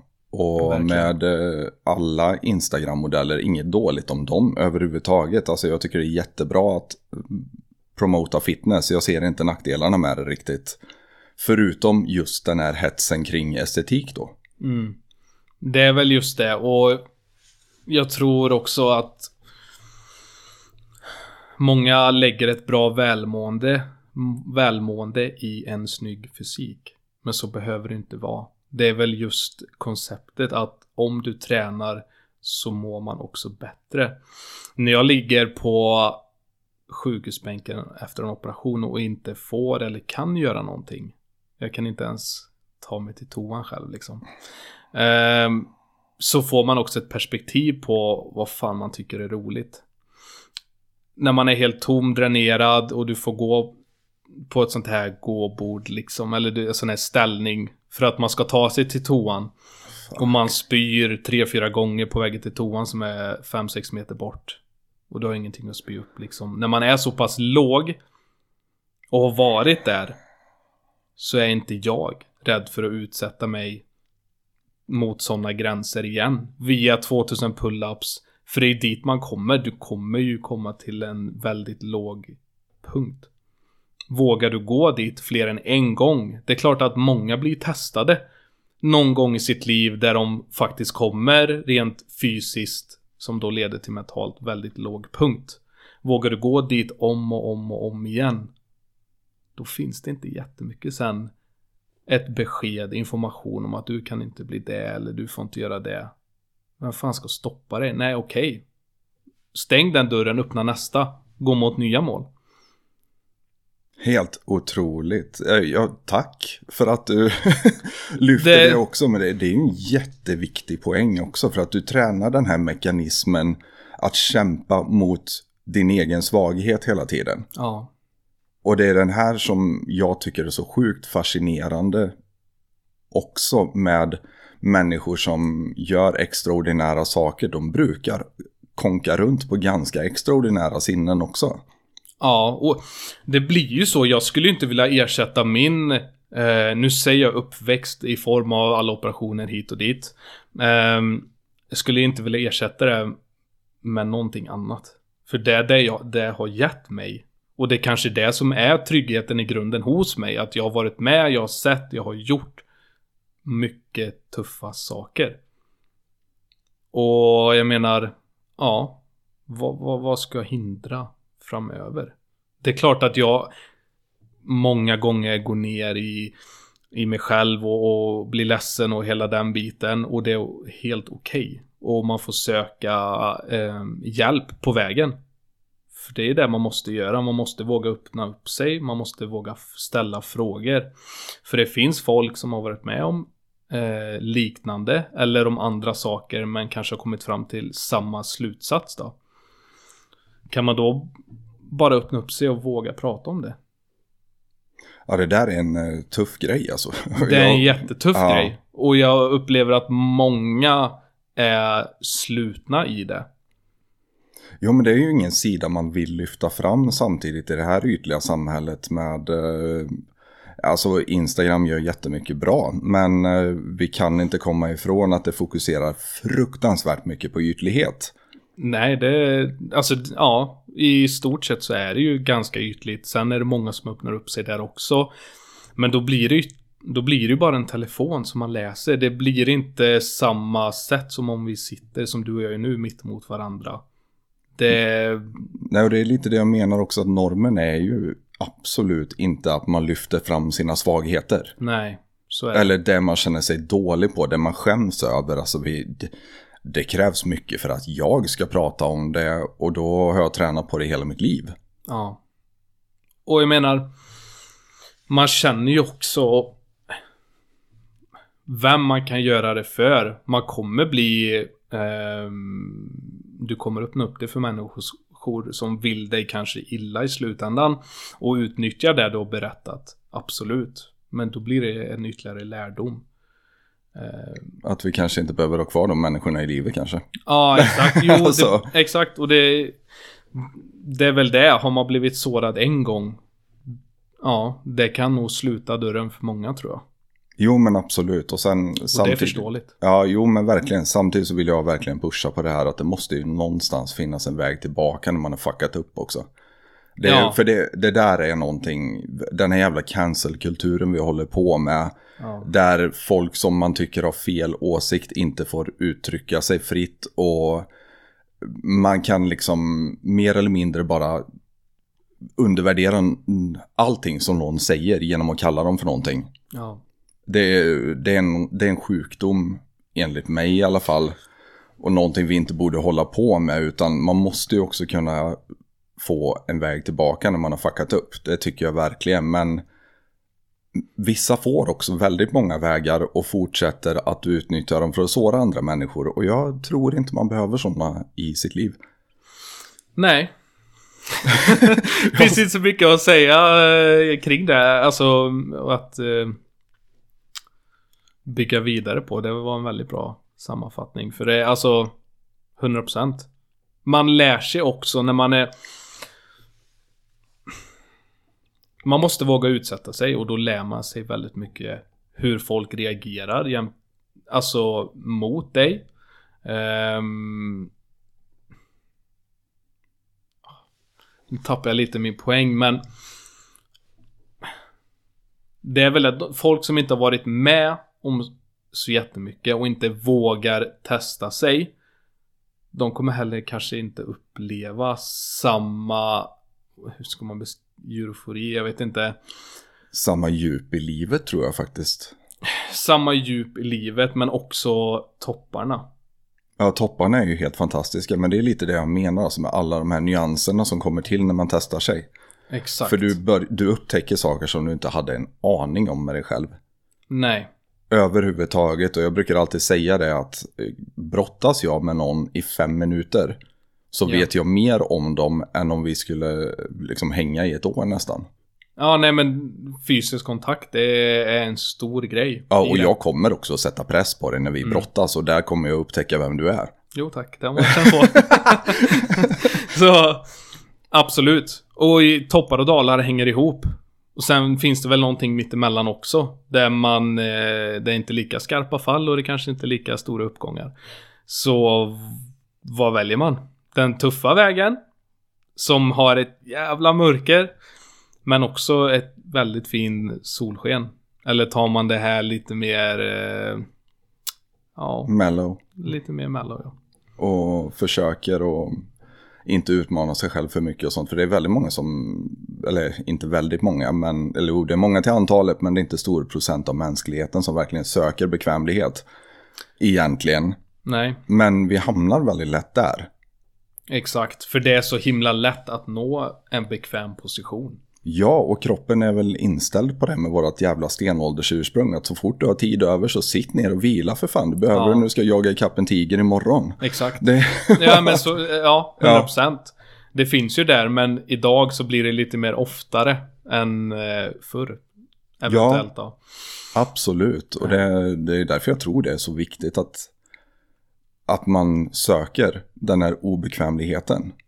För det är ju där du upptäcker dig själv om och om igen. Och Ja. när du har pushat förbi den gränsen där du trodde det var möjligt. Jag menar Goggins återigen. Ja. Han har ju så jävla rätt i det där att de flesta slutar på 40%. Ja, När de kommer upp i 40% av sitt max då tycker de att det är färdigt och går hem. absolut. Och nu pratar vi om fysisk aktivitet. Och jag menar, det kan ju vara så att du utmanar dig genom att gå till en psykolog. Du, Ja, verkligen. Då, då sitter du ner, du pratar, du öppnar upp det inre. Det finns ju olika vägar som man kan gå, absolut. Ehm, Jag har prövat många av vägarna. Eh, Fysisk aktivitet, sitta ner, prata. Eh, jag finner jättebra med båda av dem. Eh, Men fysisk aktivitet, speciellt långvarig, hårt arbete. Det finns ingenting bättre i min... Alltså vad jag har märkt nu under min uppväxt.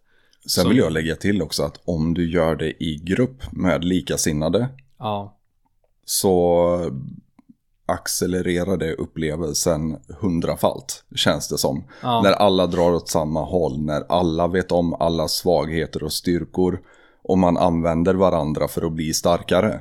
ja, Alla pushar för att du ska bli bättre, för det hjälper mig också. Då får jag en bättre träningspartner att slipa mig mot. exakt. Det där är, jag tror, för min del så är det lite den heliga graalen med träning och med ett fysiskt liv. Att man kan ju faktiskt göra det i grupp med likasinnade också.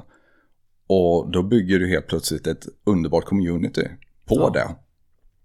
Ja, och du får så mycket mer än träning.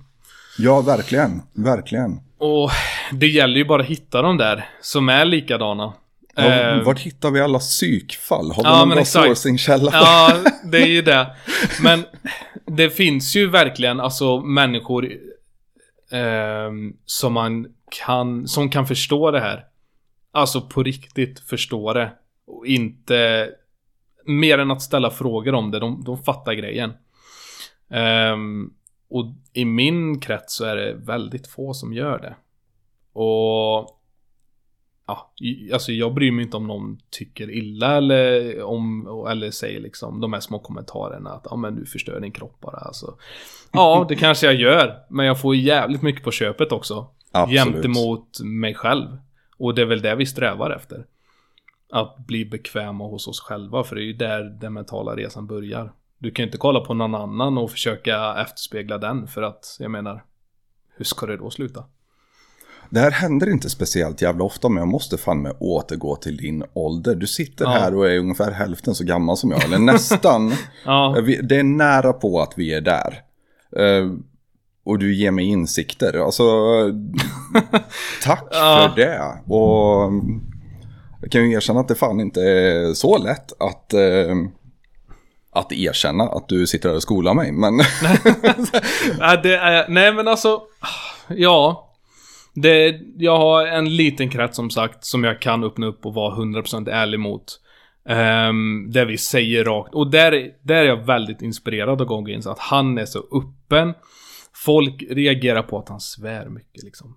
Det är väl för fan det minsta jävla bekymret som existerar. Om du nu utsätter dig för jobbiga grejer hit och dit. Sen att man kanske inte uppskattar hur han talar. Ja, det är väl upp till en själv. Men det är också ett tecken på hur ytliga vi är och vad vi lägger energi på.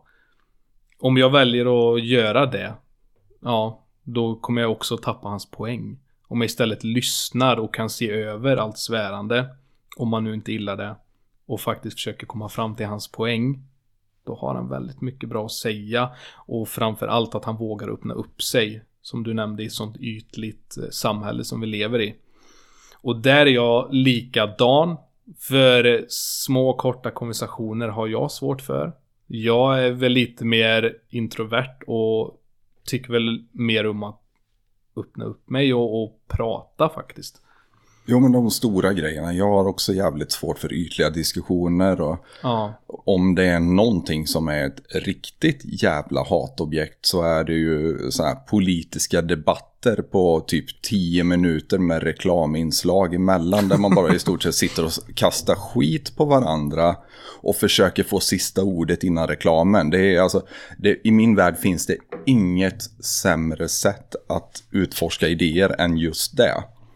Och det är där någonstans jag tycker att vi har gått vilse som samhälle. Alltså vi utforskar inte idéer längre. nej, det blir mer... eh, Så här tycker Grupperat. jag. Och det gör alla omkring mig också. Och du tycker fel för du tycker inte som vi. Exakt. Man kan inte ta lärdom av varandra och faktiskt försöka gemensamt komma fram till någonting. Nej, absolut inte. Och det, den här tribalismen går ju så djupt i precis allting. Och jag är skyldig till den också. Alltså, Ja, det är väl vi alla mer eller mindre. Hundra procent. Alltså, menar, när mina bikeåkande kompisar och jag träffas så gör vi fan inget annat än att snacka skit om varandras hojmärken. Va? Det är liksom, Ja, exakt. det, det är bara standard. Så att till och med där finns det en viss del av tribalism. Men vi tar det så jävla långt också.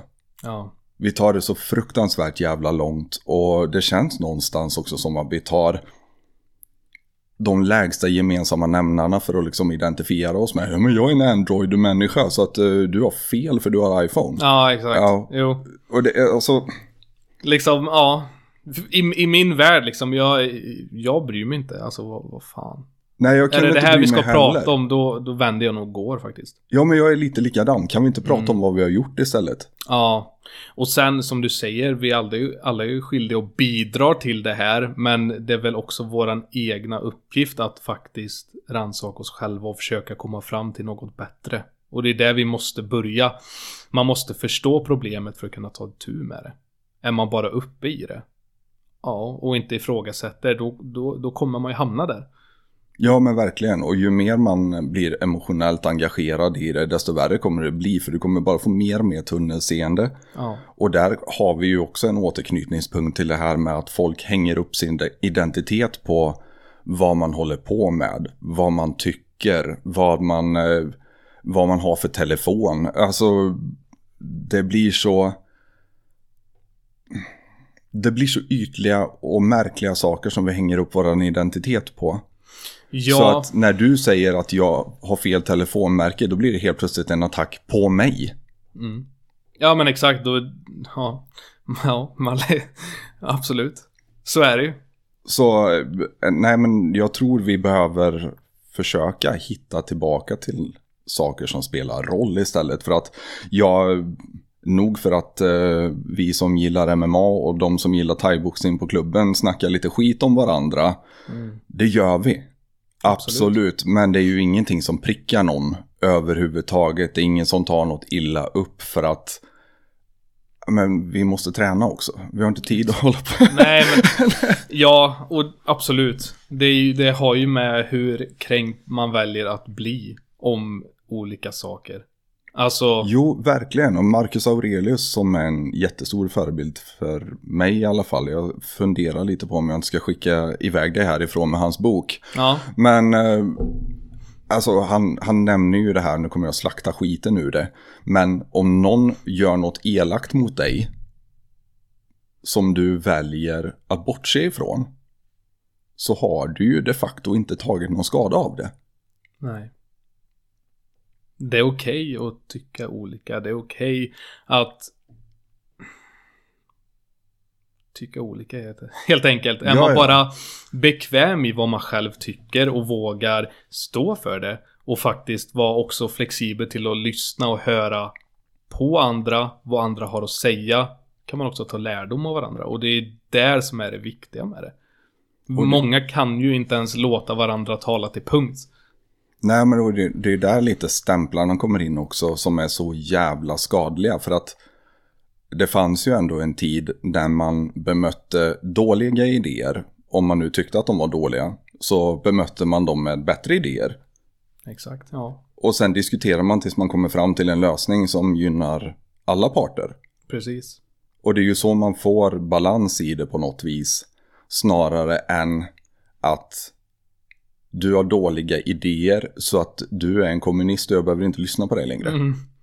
Precis. Exakt så. Nej, men ja. Absolut. Det är ju där liksom stämplarna kommer in och bara förstör hela diskussionen. Därför Ja. tar bort hela potentialen till utveckling. Ja. Och det är just det man vill uppnå, utveckling. Jo, men jag Eller tycker ja, verkligen det. vill jag tro i alla fall. Ja, absolut. För att annars så... Det blir ju lätt att man låser in sig själv i någon tillvaro där man sitter och är rekreationellt arg. Vilket jag tyvärr får säga att det känns som att väldigt många är. Vi sitter på våra sociala medier och hatar varandra. Och i stort sett öppnar någon jävla app för att bara hitta någonting att vara förbannade på. Vi vet inte att det är därför vi gör det. För att algoritmen har hijackat oss så jävla hårt. Men om det nu är så att din ilska gör att du kommer att interagera mer med appen i fråga. Så kan du ge dig fan på att nästa gång du öppnar den så kommer du bli visad någonting som gör dig riktigt förbannad väldigt fort. Verkligen. Verkligen. Och man, man fastnar i olika hål, absolut. Ja, man gör det. Och det är nog en bra egenskap att kunna zooma ut och se sig själv lite som tredje person. Att vad gör jag, vad håller jag på med? Ifrågasätta sig själv lite. För gör man inte det, då kommer till slut någon annan göra det. Och då kanske det tar så pass illa att ja, man vet ingenting längre. Nej men så är det absolut och det är återigen alltså du ska ha så jävla mycket cred för att du faktiskt har gått den här vägen och jag pusslet börjar ju landa lite för min del i alla fall för att jag har ju undrat jävligt mycket vart all den här klarsyntheten kommer ifrån med vad som är viktigt för Ja. dig liksom för att det de flesta i min åldersgrupp vet inte vad som är viktigt för dem. Nej.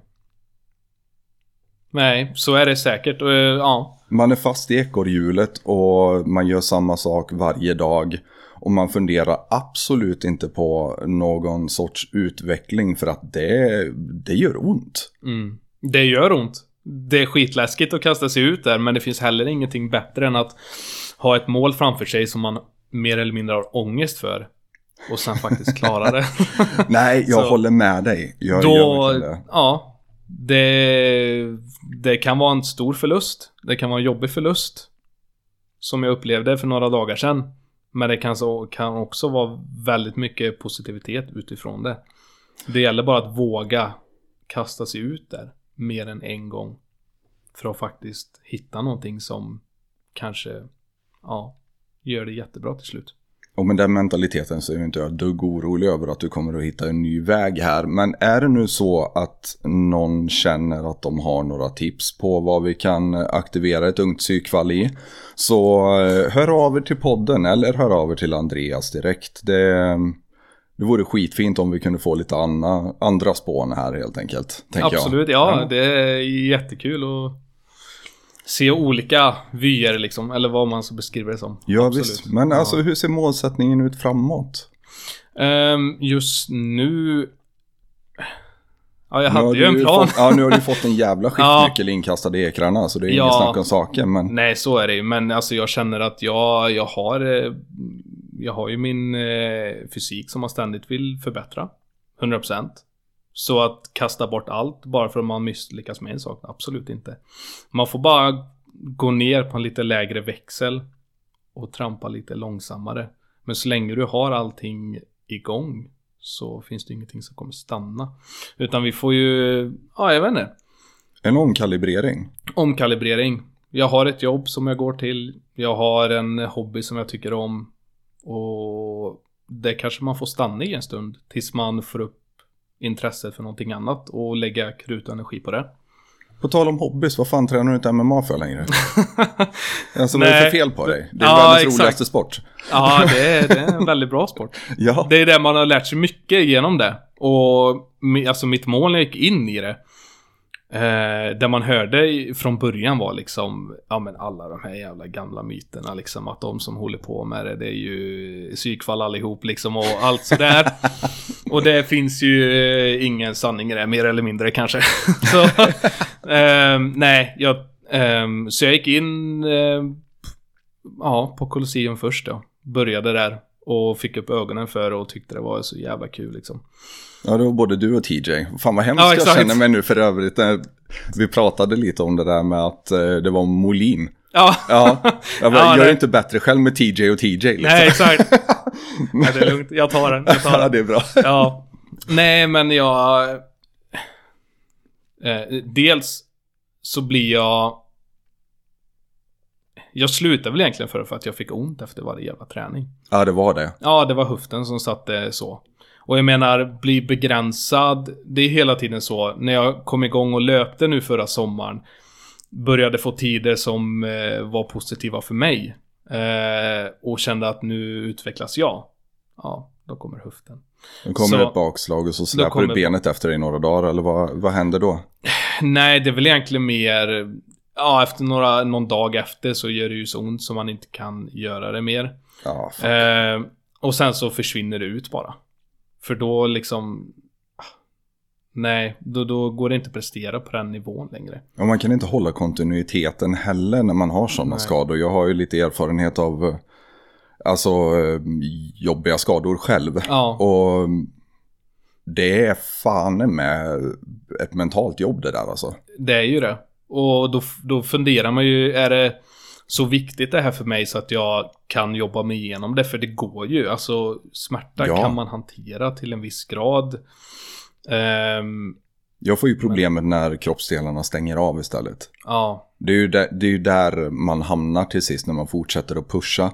ja, Och jag får göra den avvägningen hela tiden också. Är det värt det? precis. Är det verkligen värt det? För att alldeles snart, eh, smärtan kan jag tugga mig igenom. Jag kan ta den stående på huvudet, det är inga problem. Ja, Men är det värt det att jag inte kan eh, gå ut härifrån sen? precis. Och det är ju den frågan man måste ställa sig. Kollar man på eh, bodybuilding, Ronnie Coleman liksom. Ja, oh, gud, han har Han- betalat priset alltså. Han har betalat priset men han tycker fortfarande det är värt det. Och jag vill kunna, om jag nu har pressat min kropp så jävla hårt. Säg om, ja, som vissa läkare sa, inom 10-15 år kanske då. Att när jag har så pass ont och kanske inte kan göra de sakerna mer. Så vill jag kolla tillbaka på den här eh, tiden och säga att det var värt det. Och att du gjorde det mesta av det kanske. Finns det Mm. någon, finns det någon sorts eh, nedräkning i ditt huvud på hur, lång, eller hur stort fönster du har att utnyttja? Nej, Nej, ingenting. nej okej, för att det där är ju en vanlig grej annars. Ja, När man eh, kollar atleter överlag, man vet att man har ett visst fönster där Ja. du kan prestera på hög nivå och sen så är det färdigt. precis. Men du har ingen sån panik över eh, framtida skador och såna här grejer. Nej, nej. Ja, jag tänker man får hantera det på resans gång. Det är väl lite det man gör. Eh, jag menar, Jag tror det är en jävligt sund inställning för du hade förmodligen inte kunnat förutse något av det som har hänt. nej. Även om du hade grubblat över det hela tiden. Nej, men precis. Och jag menar, om man då är rädd för att det jag gör nu... Eh, man, man, får, man får träna smart. Och om jag vill hålla så länge som möjligt, ja då kanske jag får värdera om vissa saker. Jag behöver inte stå och dra massa, massa vikt i marklyft. Jag kanske inte borde träna MMA för där är det väl... Det går att kontrollera till en viss grad. Men om jag ligger i gard och någon sätter sina två händer på vänster höft och trycker för att de ska escapa garden och jag inte riktigt kan hålla emot det. Då kanske någonting snäpar och jag vill inte lägga den risken riktigt. Ehm, Jag vet exakt vad du menar. ja, ja, Ja. exakt. så det är väl egentligen det att ehm, det roliga dog ut jämte mot smärtorna man fick. Och Ja, då men kände jag förstår. att då, då skippar jag det. Men jag älskar allt jag har lärt mig av det. Ja, men sunt val ändå får jag säga. Och jättesynd att eh, vi inte kan fortsätta och ha det kvar. Men eh, Mm. du, jag sanktionerar det. Jag känner att eh, det är faktiskt en rätt okej ursäkt. Ja, absolut. Absolut. Men jo, nej men det är väl det man måste överväga och tycker jag att det är värt risken. Då kör jag. Då är det jag inte rädd för. Men jag vill också kunna se tillbaka och säga det. Att Jo men självklart. Du har lite friluftsintresse också, berätta gärna om det. Ja, nej men eh, fiska och vandring tycker jag är roligt liksom. Ehm, Vandring låter ju så pensionärsaktigt i min värld. Ja, men har vi, har vi några speciella ledare eller någonting som... Eh, ja, vi, var, vi var i Norge, jag och mina bröder. Eh, och vandrade. Tog hojarna dit. Jag kör motorcykel också. ah, fan vad fett. Ja, så jag tog mitt tunga där när jag blev 20 för att jag... Ja, det var så det funkar då liksom. man- Helt jävla rätt för övrigt. Det tycker jag alla borde göra. Ja, herregud. Herregud. Och jag tog faktiskt lastbilskörkort nu inför brandmanutbildningen. Så nu har jag ju det med mig också, så det är inte bara skit som var... Alltså snacka om att vara förberedd eller? Ja, nej men Ja. jag ville göra det bästa av det, så...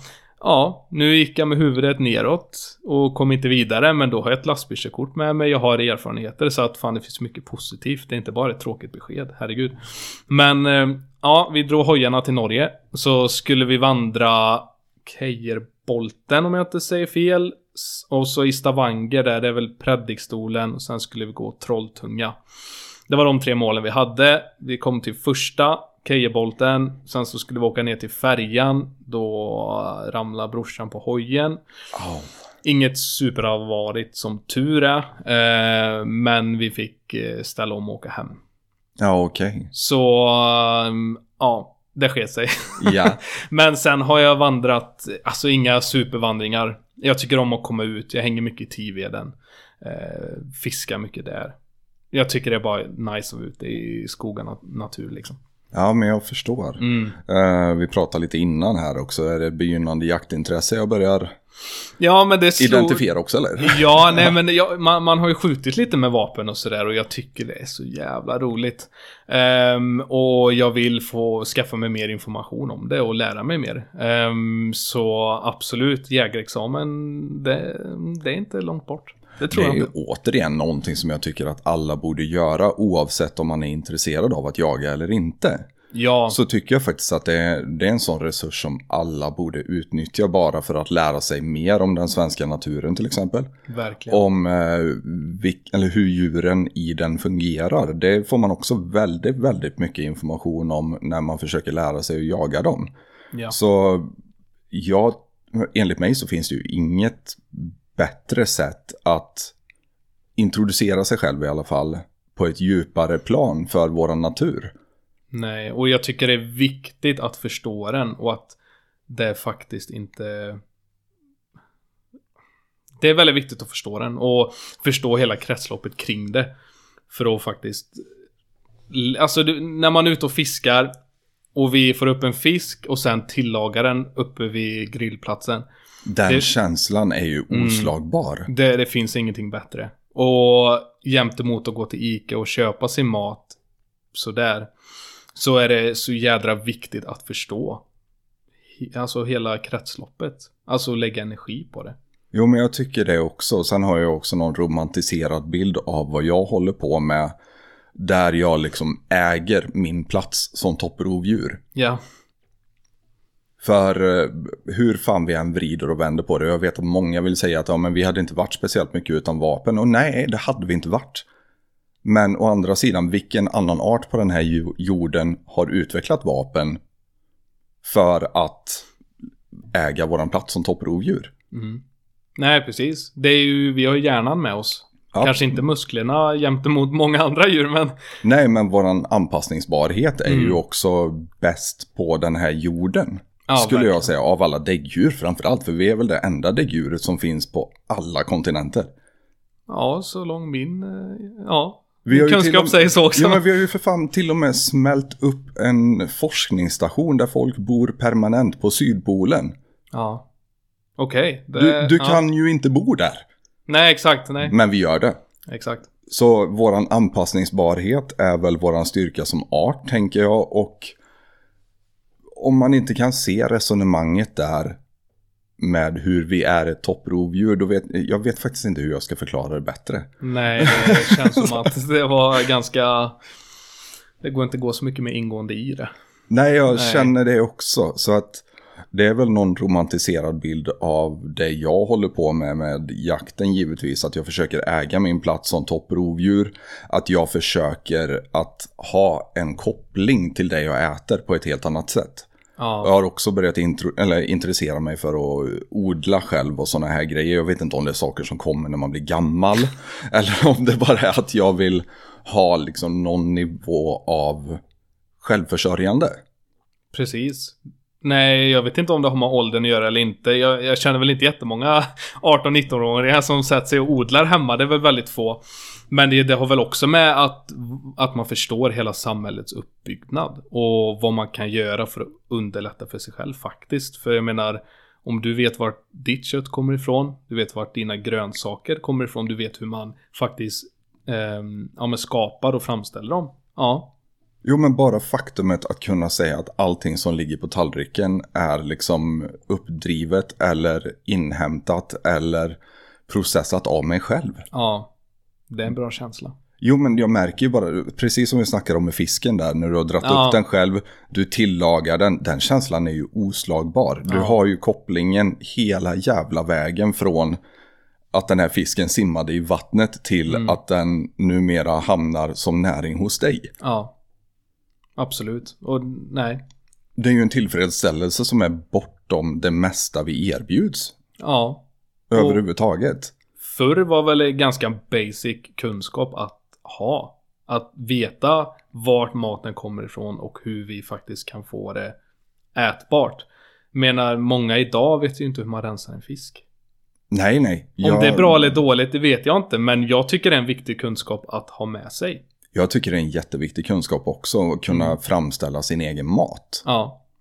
För det är någonting som vi är så jävla bortkopplade ifrån. Jag menar, jag, jag har till och med haft tankar på det här kring, jag, jag tänker alldeles för mycket vill jag bara flika Ah, okej. in. Men jag har ju haft tankar kring det här, vad det skulle göra för barn till exempel, att få vara med vid sin egen matproduktion. Ja. Att få vara med i hela kedjan, få vara med och dra upp potatisarna ur jorden eller vad fan det nu är. Eller vara med och slakta djuren som man ska äta. Nu är det inte alla som håller för det idag. Vilket jag tycker är jäkligt märkligt för att vi fortsätter fortfarande att äta kött. Ja. Men vi vill helst inte befattas med den här jobbiga och smutsiga delen. Där vi ändå försöker att liksom ge ett djur ett värdigt avslut för att bli näring för oss. Ja, exakt. Den delen vill vi inte befattas med, utan de som befattar sig med det är på något vis sämre människor och mer barbariska och så vidare. Och jag vet inte om jag håller med om det. Nog för att man har den här inställningen, inställningen till liv och död förändras på ett sätt när man börjar jaga eller när man börjar ta del av slakt själv. Så ändras inställningen ganska drastiskt. Och väldigt fort. Någonstans under processen så går ju ändå ett djur från att vara ett djur till att vara mat. Exakt. Och det är en väldigt konstig transformation. Men jag tycker faktiskt att alla borde få ta del av det. Och alla, nästan så att man borde tvingas att ta del av det om man ska äta det. Nära på, alltså när jag har mer extrema dagar så är det nog så jag tänker. Då är det så, ja. Ja, Det blir ju, alltså är man distanserad från det, då blir det ju också ganska främmande när, det, när man får det framför sig och faktiskt ser hur det går till. Men det är väl också där också man faktiskt kan lägga en grund för sitt tycke. Varför, hur man väljer att ja, äta. och jag tror, enkelt. jag tror också att ifall fler människor var involverade i det så skulle nog inte köttindustrin vara lika hemsk som den är idag. Nej, så är det säkert. Om- vi inte bara la jobbet på de här få utvalda procenten som faktiskt jobbar med det och dessutom nästan hatar dem lite, ungefär som man gjorde med bödlar förr i tiden. Att de var liksom bespottade och inte accepterade i samhället för att de jobbade med att döda människor. Lite så upplever jag, fast en light-version då givetvis, mot människor som jobbar inom köttindustri till exempel. Och köttindustrin förtjänar alla kängor den får i vissa fall. Men det finns också delar av den som gör allting helt jävla rätt. Att man har gårdsslakteri till exempel där djuren liksom tas hand om för att det är du som äger dem. Det, du har den här kopplingen till dem. Du är med dem hela vägen från födelse till att de hamnar på din tallrik. Det, det bygger en ödmjukhet för djuren som jag tror att många saknar idag. Så exakt, och det blir ju en ödmjukhet som du säger. Men istället för att då sätta sig in i hela processen så är det lättare och mer bekvämt att kasta skit på dem som man upplever gör fel. Men man kan heller inte ta sitt eget ansvar och faktiskt kolla upp och alltså kolla upp vad man äter. Punkt. Absolut, och det... Vart det kommer ifrån, alltså hela biten. Vi har köpt nu från eh, kött från, eh, från gårdar. Till exempel. Ja, älskar det. Där vi vet då vart, eh, vart och hur den har behandlats. Ja, Förstår visst. hela konceptet. Och inte för att vara sån, men det brukar vara ganska mycket högre kvalitet på det här köttet också. Så att det är bara- stor skillnad på uh, när man äter det, det kan jag absolut säga. Win, win och win. eh, Ja. Ungefär. Ja, ja. Tycker jag dig. verkligen. Och det, det är också någonting som är, vi kanske är geografiskt belägna på ett sånt sätt så att vi verkligen har mer möjligheter än många andra i landet har att hitta sådana ställen. Men kan ni så verkligen supporta sån business. Det tycker jag absolut. Ja, jag, jag håller med. Jag instämmer. Men personlig utveckling eh, har ju varit eh, lite ledtemat genom den här Ja, diskussionen. Ja. Och vi har redan nämnt Goggins. Eh, har vi några andra förebilder som folk eh, borde kolla in? Ja, jag, har, jag känner igen mig mycket där du redan har nämnt med Jocko, Joe Rogan. Eh, det är väl de tre jag främst hämtar information och ja, men lyssnar på deras, vad de har att säga.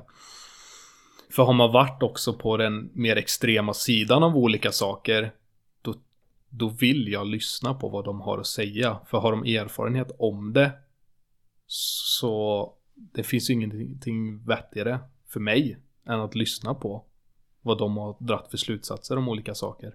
Nej men verkligen inte. Jag håller verkligen med dig om det här med Jocko också. Han är en fruktansvärt fascinerande karaktär. Om inte minst så för all efteranalys han har gjort och slutsatserna de har kommit fram till med Echelon Front heter hans företag Exakt. va? Eh, ledarskapskonsult business som de håller på med. Ja. Och alla principer som de lär ut är ju principer som fungerar när liv står på spel. Ja, exakt. Och jag tänker att om principerna funkar då, när allting står på spel, då funkar de fan med i din business också. Och det är ju, där kommer ju lärdomarna någonstans. Precis. Det, jag tycker det är, det är så himla lärorikt att lyssna på det. Och det jag kan lägga jättemycket tid och energi på att lyssna och försöka förstå och applicera det på, på min vardag. För jag menar det här med extreme ownership. Det är ju det man Den måste... ligger nere på mitt sängbord för övrigt. Ja, okej, ja. ja. Jag har lyssnat på, på ljudboken har jag gjort. Ehm, och eh, ja, det är bara wow liksom. Och det, det är väl det man kanske ofta missar. Att faktiskt, även om, om felet i stort sett kan ligga på någon annan. Ja, men det är det här att, ja, vad kan jag, vad borde jag ha gjort för att det kanske inte skulle uppstå? Att man hela tiden försöker rannsaka sig själv och inte skylla det på andra. För, Jag tror det kommer faktiskt. Nu, nu ska inte jag vara den som eh, liksom går händelserna i förväg eller går lärdomarna i förväg och försöker ge, no- ge bort någonting gratis. Men det känns som att det där fördelarna kommer genom att äga saker för andra också. ja, Du kan äga din del i en konflikt som du knappt var involverad i. För du känner ändå personerna eller någonting, du kanske har en koppling till dem. Och ifall du analyserar vad du hade kunnat göra bättre i den lilla delen du var inblandad, som rullade iväg för att bli något större som du inte hade del av, ja. så tror inte jag det finns några nackdelar med det. Nej, och du, det, det var bra du satte ord på det jag hade i min hjärna men inte kunde få fram. Det är exakt så jag tänker. Det, Vi, ja, Det finns jag inga håller med. nackdelar med att analysera sin egen del och se vad man kan göra annorlunda. nej, absolut inte. Det gör verkligen inte det. Och jag hade någon annan tanke också men den försvann. Det är fantastiskt med ADHD. Ja. Eh, vad fan, jo, uppdragsfokus. Ja, Om, det, om alla kan fokusera på uppdraget så inser man ganska fort att konflikt är den sämsta vägen dit. absolut.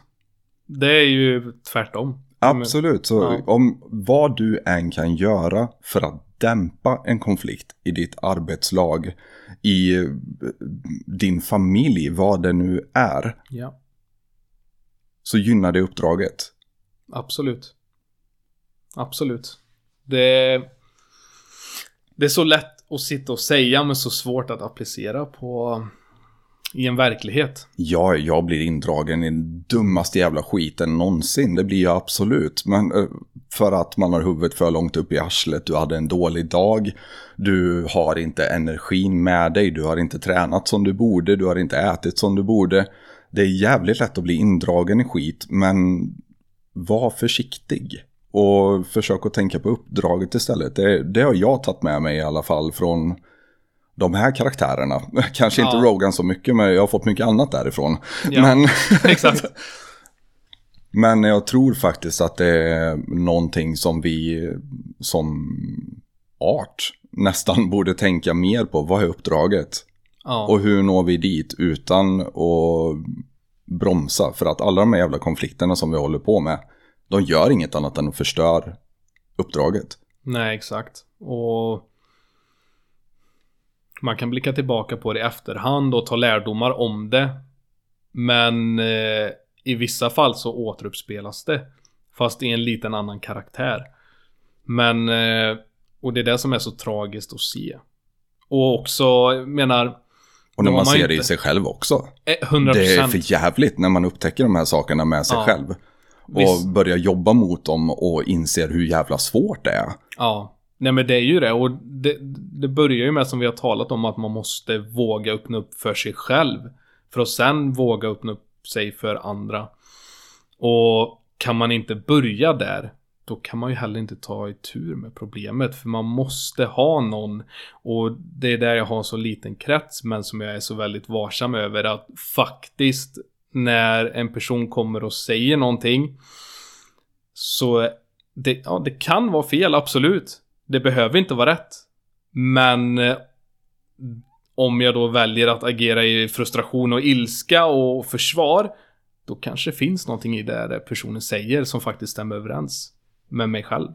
I och med hur jag agerar. Absolut. Så det, det kan ju vara ett tecken på att, ja, fan jag kanske ljuger för mig själv. Det finns lite jobb att göra helt enkelt. Det finns det nog, Ja, absolut. Och, ja.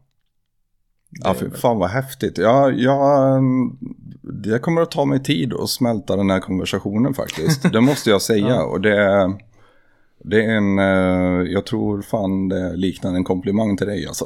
Ja, det kommer jag att ta mig blir- tid. Ja, Ja. ja, tack så mycket. Hur ser hälsoläget ut nu och eh, vad tror vi blir nästa steg? Just nu, jag sysslar ju inte med någon sport eller liknande. Utan jag tränar ju bara på gym, cyklar och lite sådär. Men ingenting som är som jag siktar på. att bli. Jag skulle säga att du sysslar med den värsta extremsporten som finns. Alltså så hårt inslagen som du är på personlig utveckling. Men, Ja, ja, ja, ja det, det har du rätt i. Men eh, just nu, nej. Nu tänker jag att min vardag som är nu ska förbättras. Ehm, på olika plan. Eh, vad målet är inom 5 till 10 år, det vet jag inte. Än. Det är så pass eh, tätt in på det jag hade tänkt från början. Eh, men eh, jag jobbar vidare med mig själv just nu. Och sen så får vi se vart det leder. Jag är väldigt sugen på att åka ut och resa. Det är någonting jag aldrig har haft supermycket vision för, för några år sedan. Då, hade, då tyckte jag inte det var superintressant.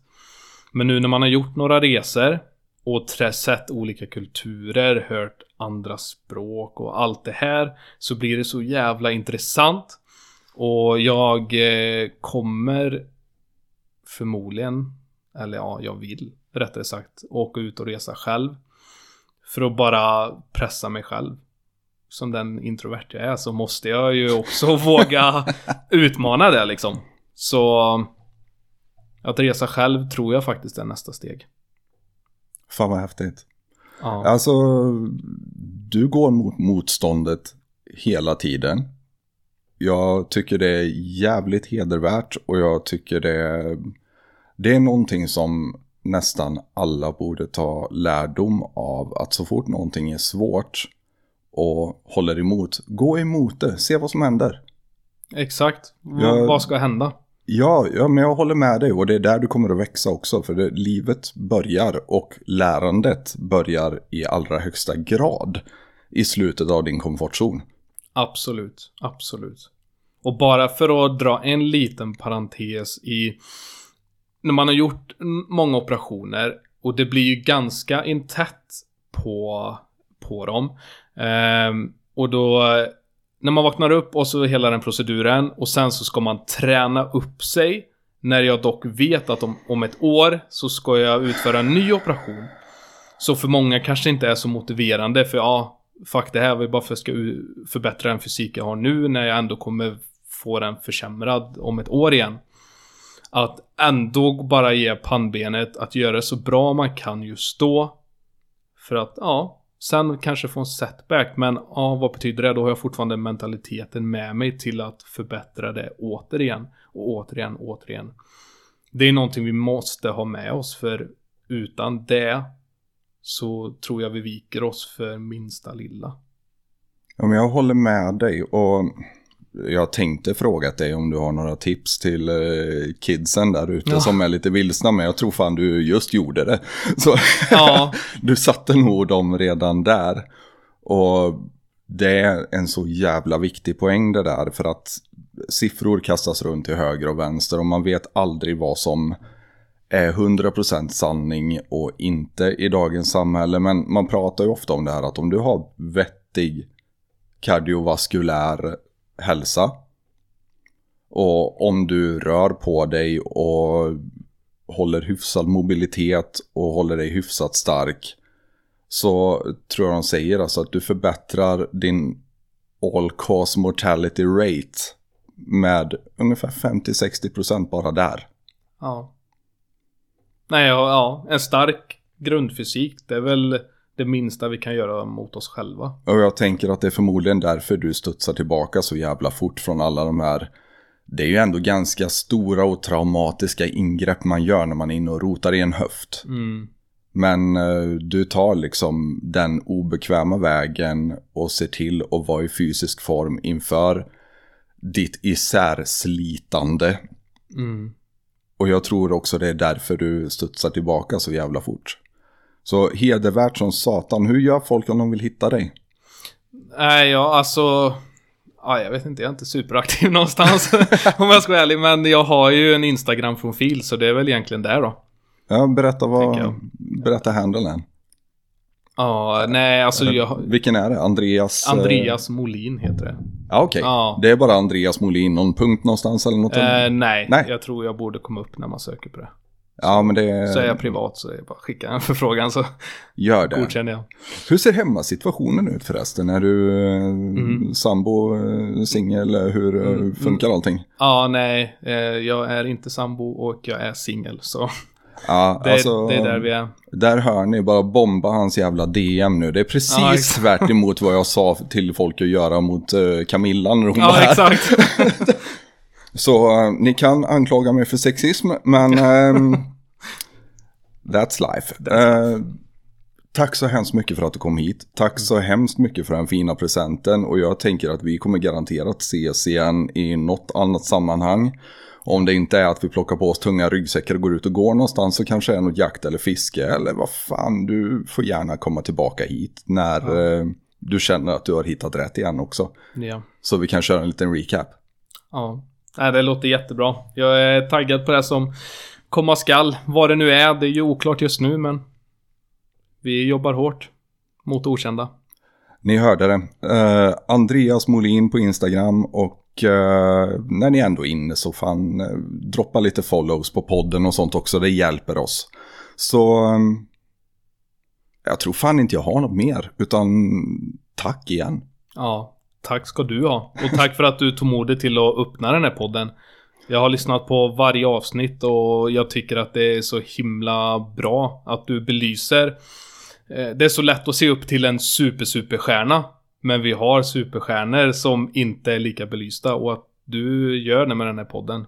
Det tycker jag är väldigt modigt och väldigt, väldigt bra. För det finns så många kloka människor som man kan ta lärdom av. Fan alltså jag vill sjunka lite genom stolen när jag får komplimanger. Jag har jävligt svårt för det där. Men tack så hemskt mycket och Ja. nu är du en del av det. Så mm, tack för din del i det. Jag vet inte vad jag ska säga mer utan jag tänker helt enkelt att vi tar och avslutar den här och in och följ Andreas Molin och Hjälten i din själ. Så hörs vi. Ciao.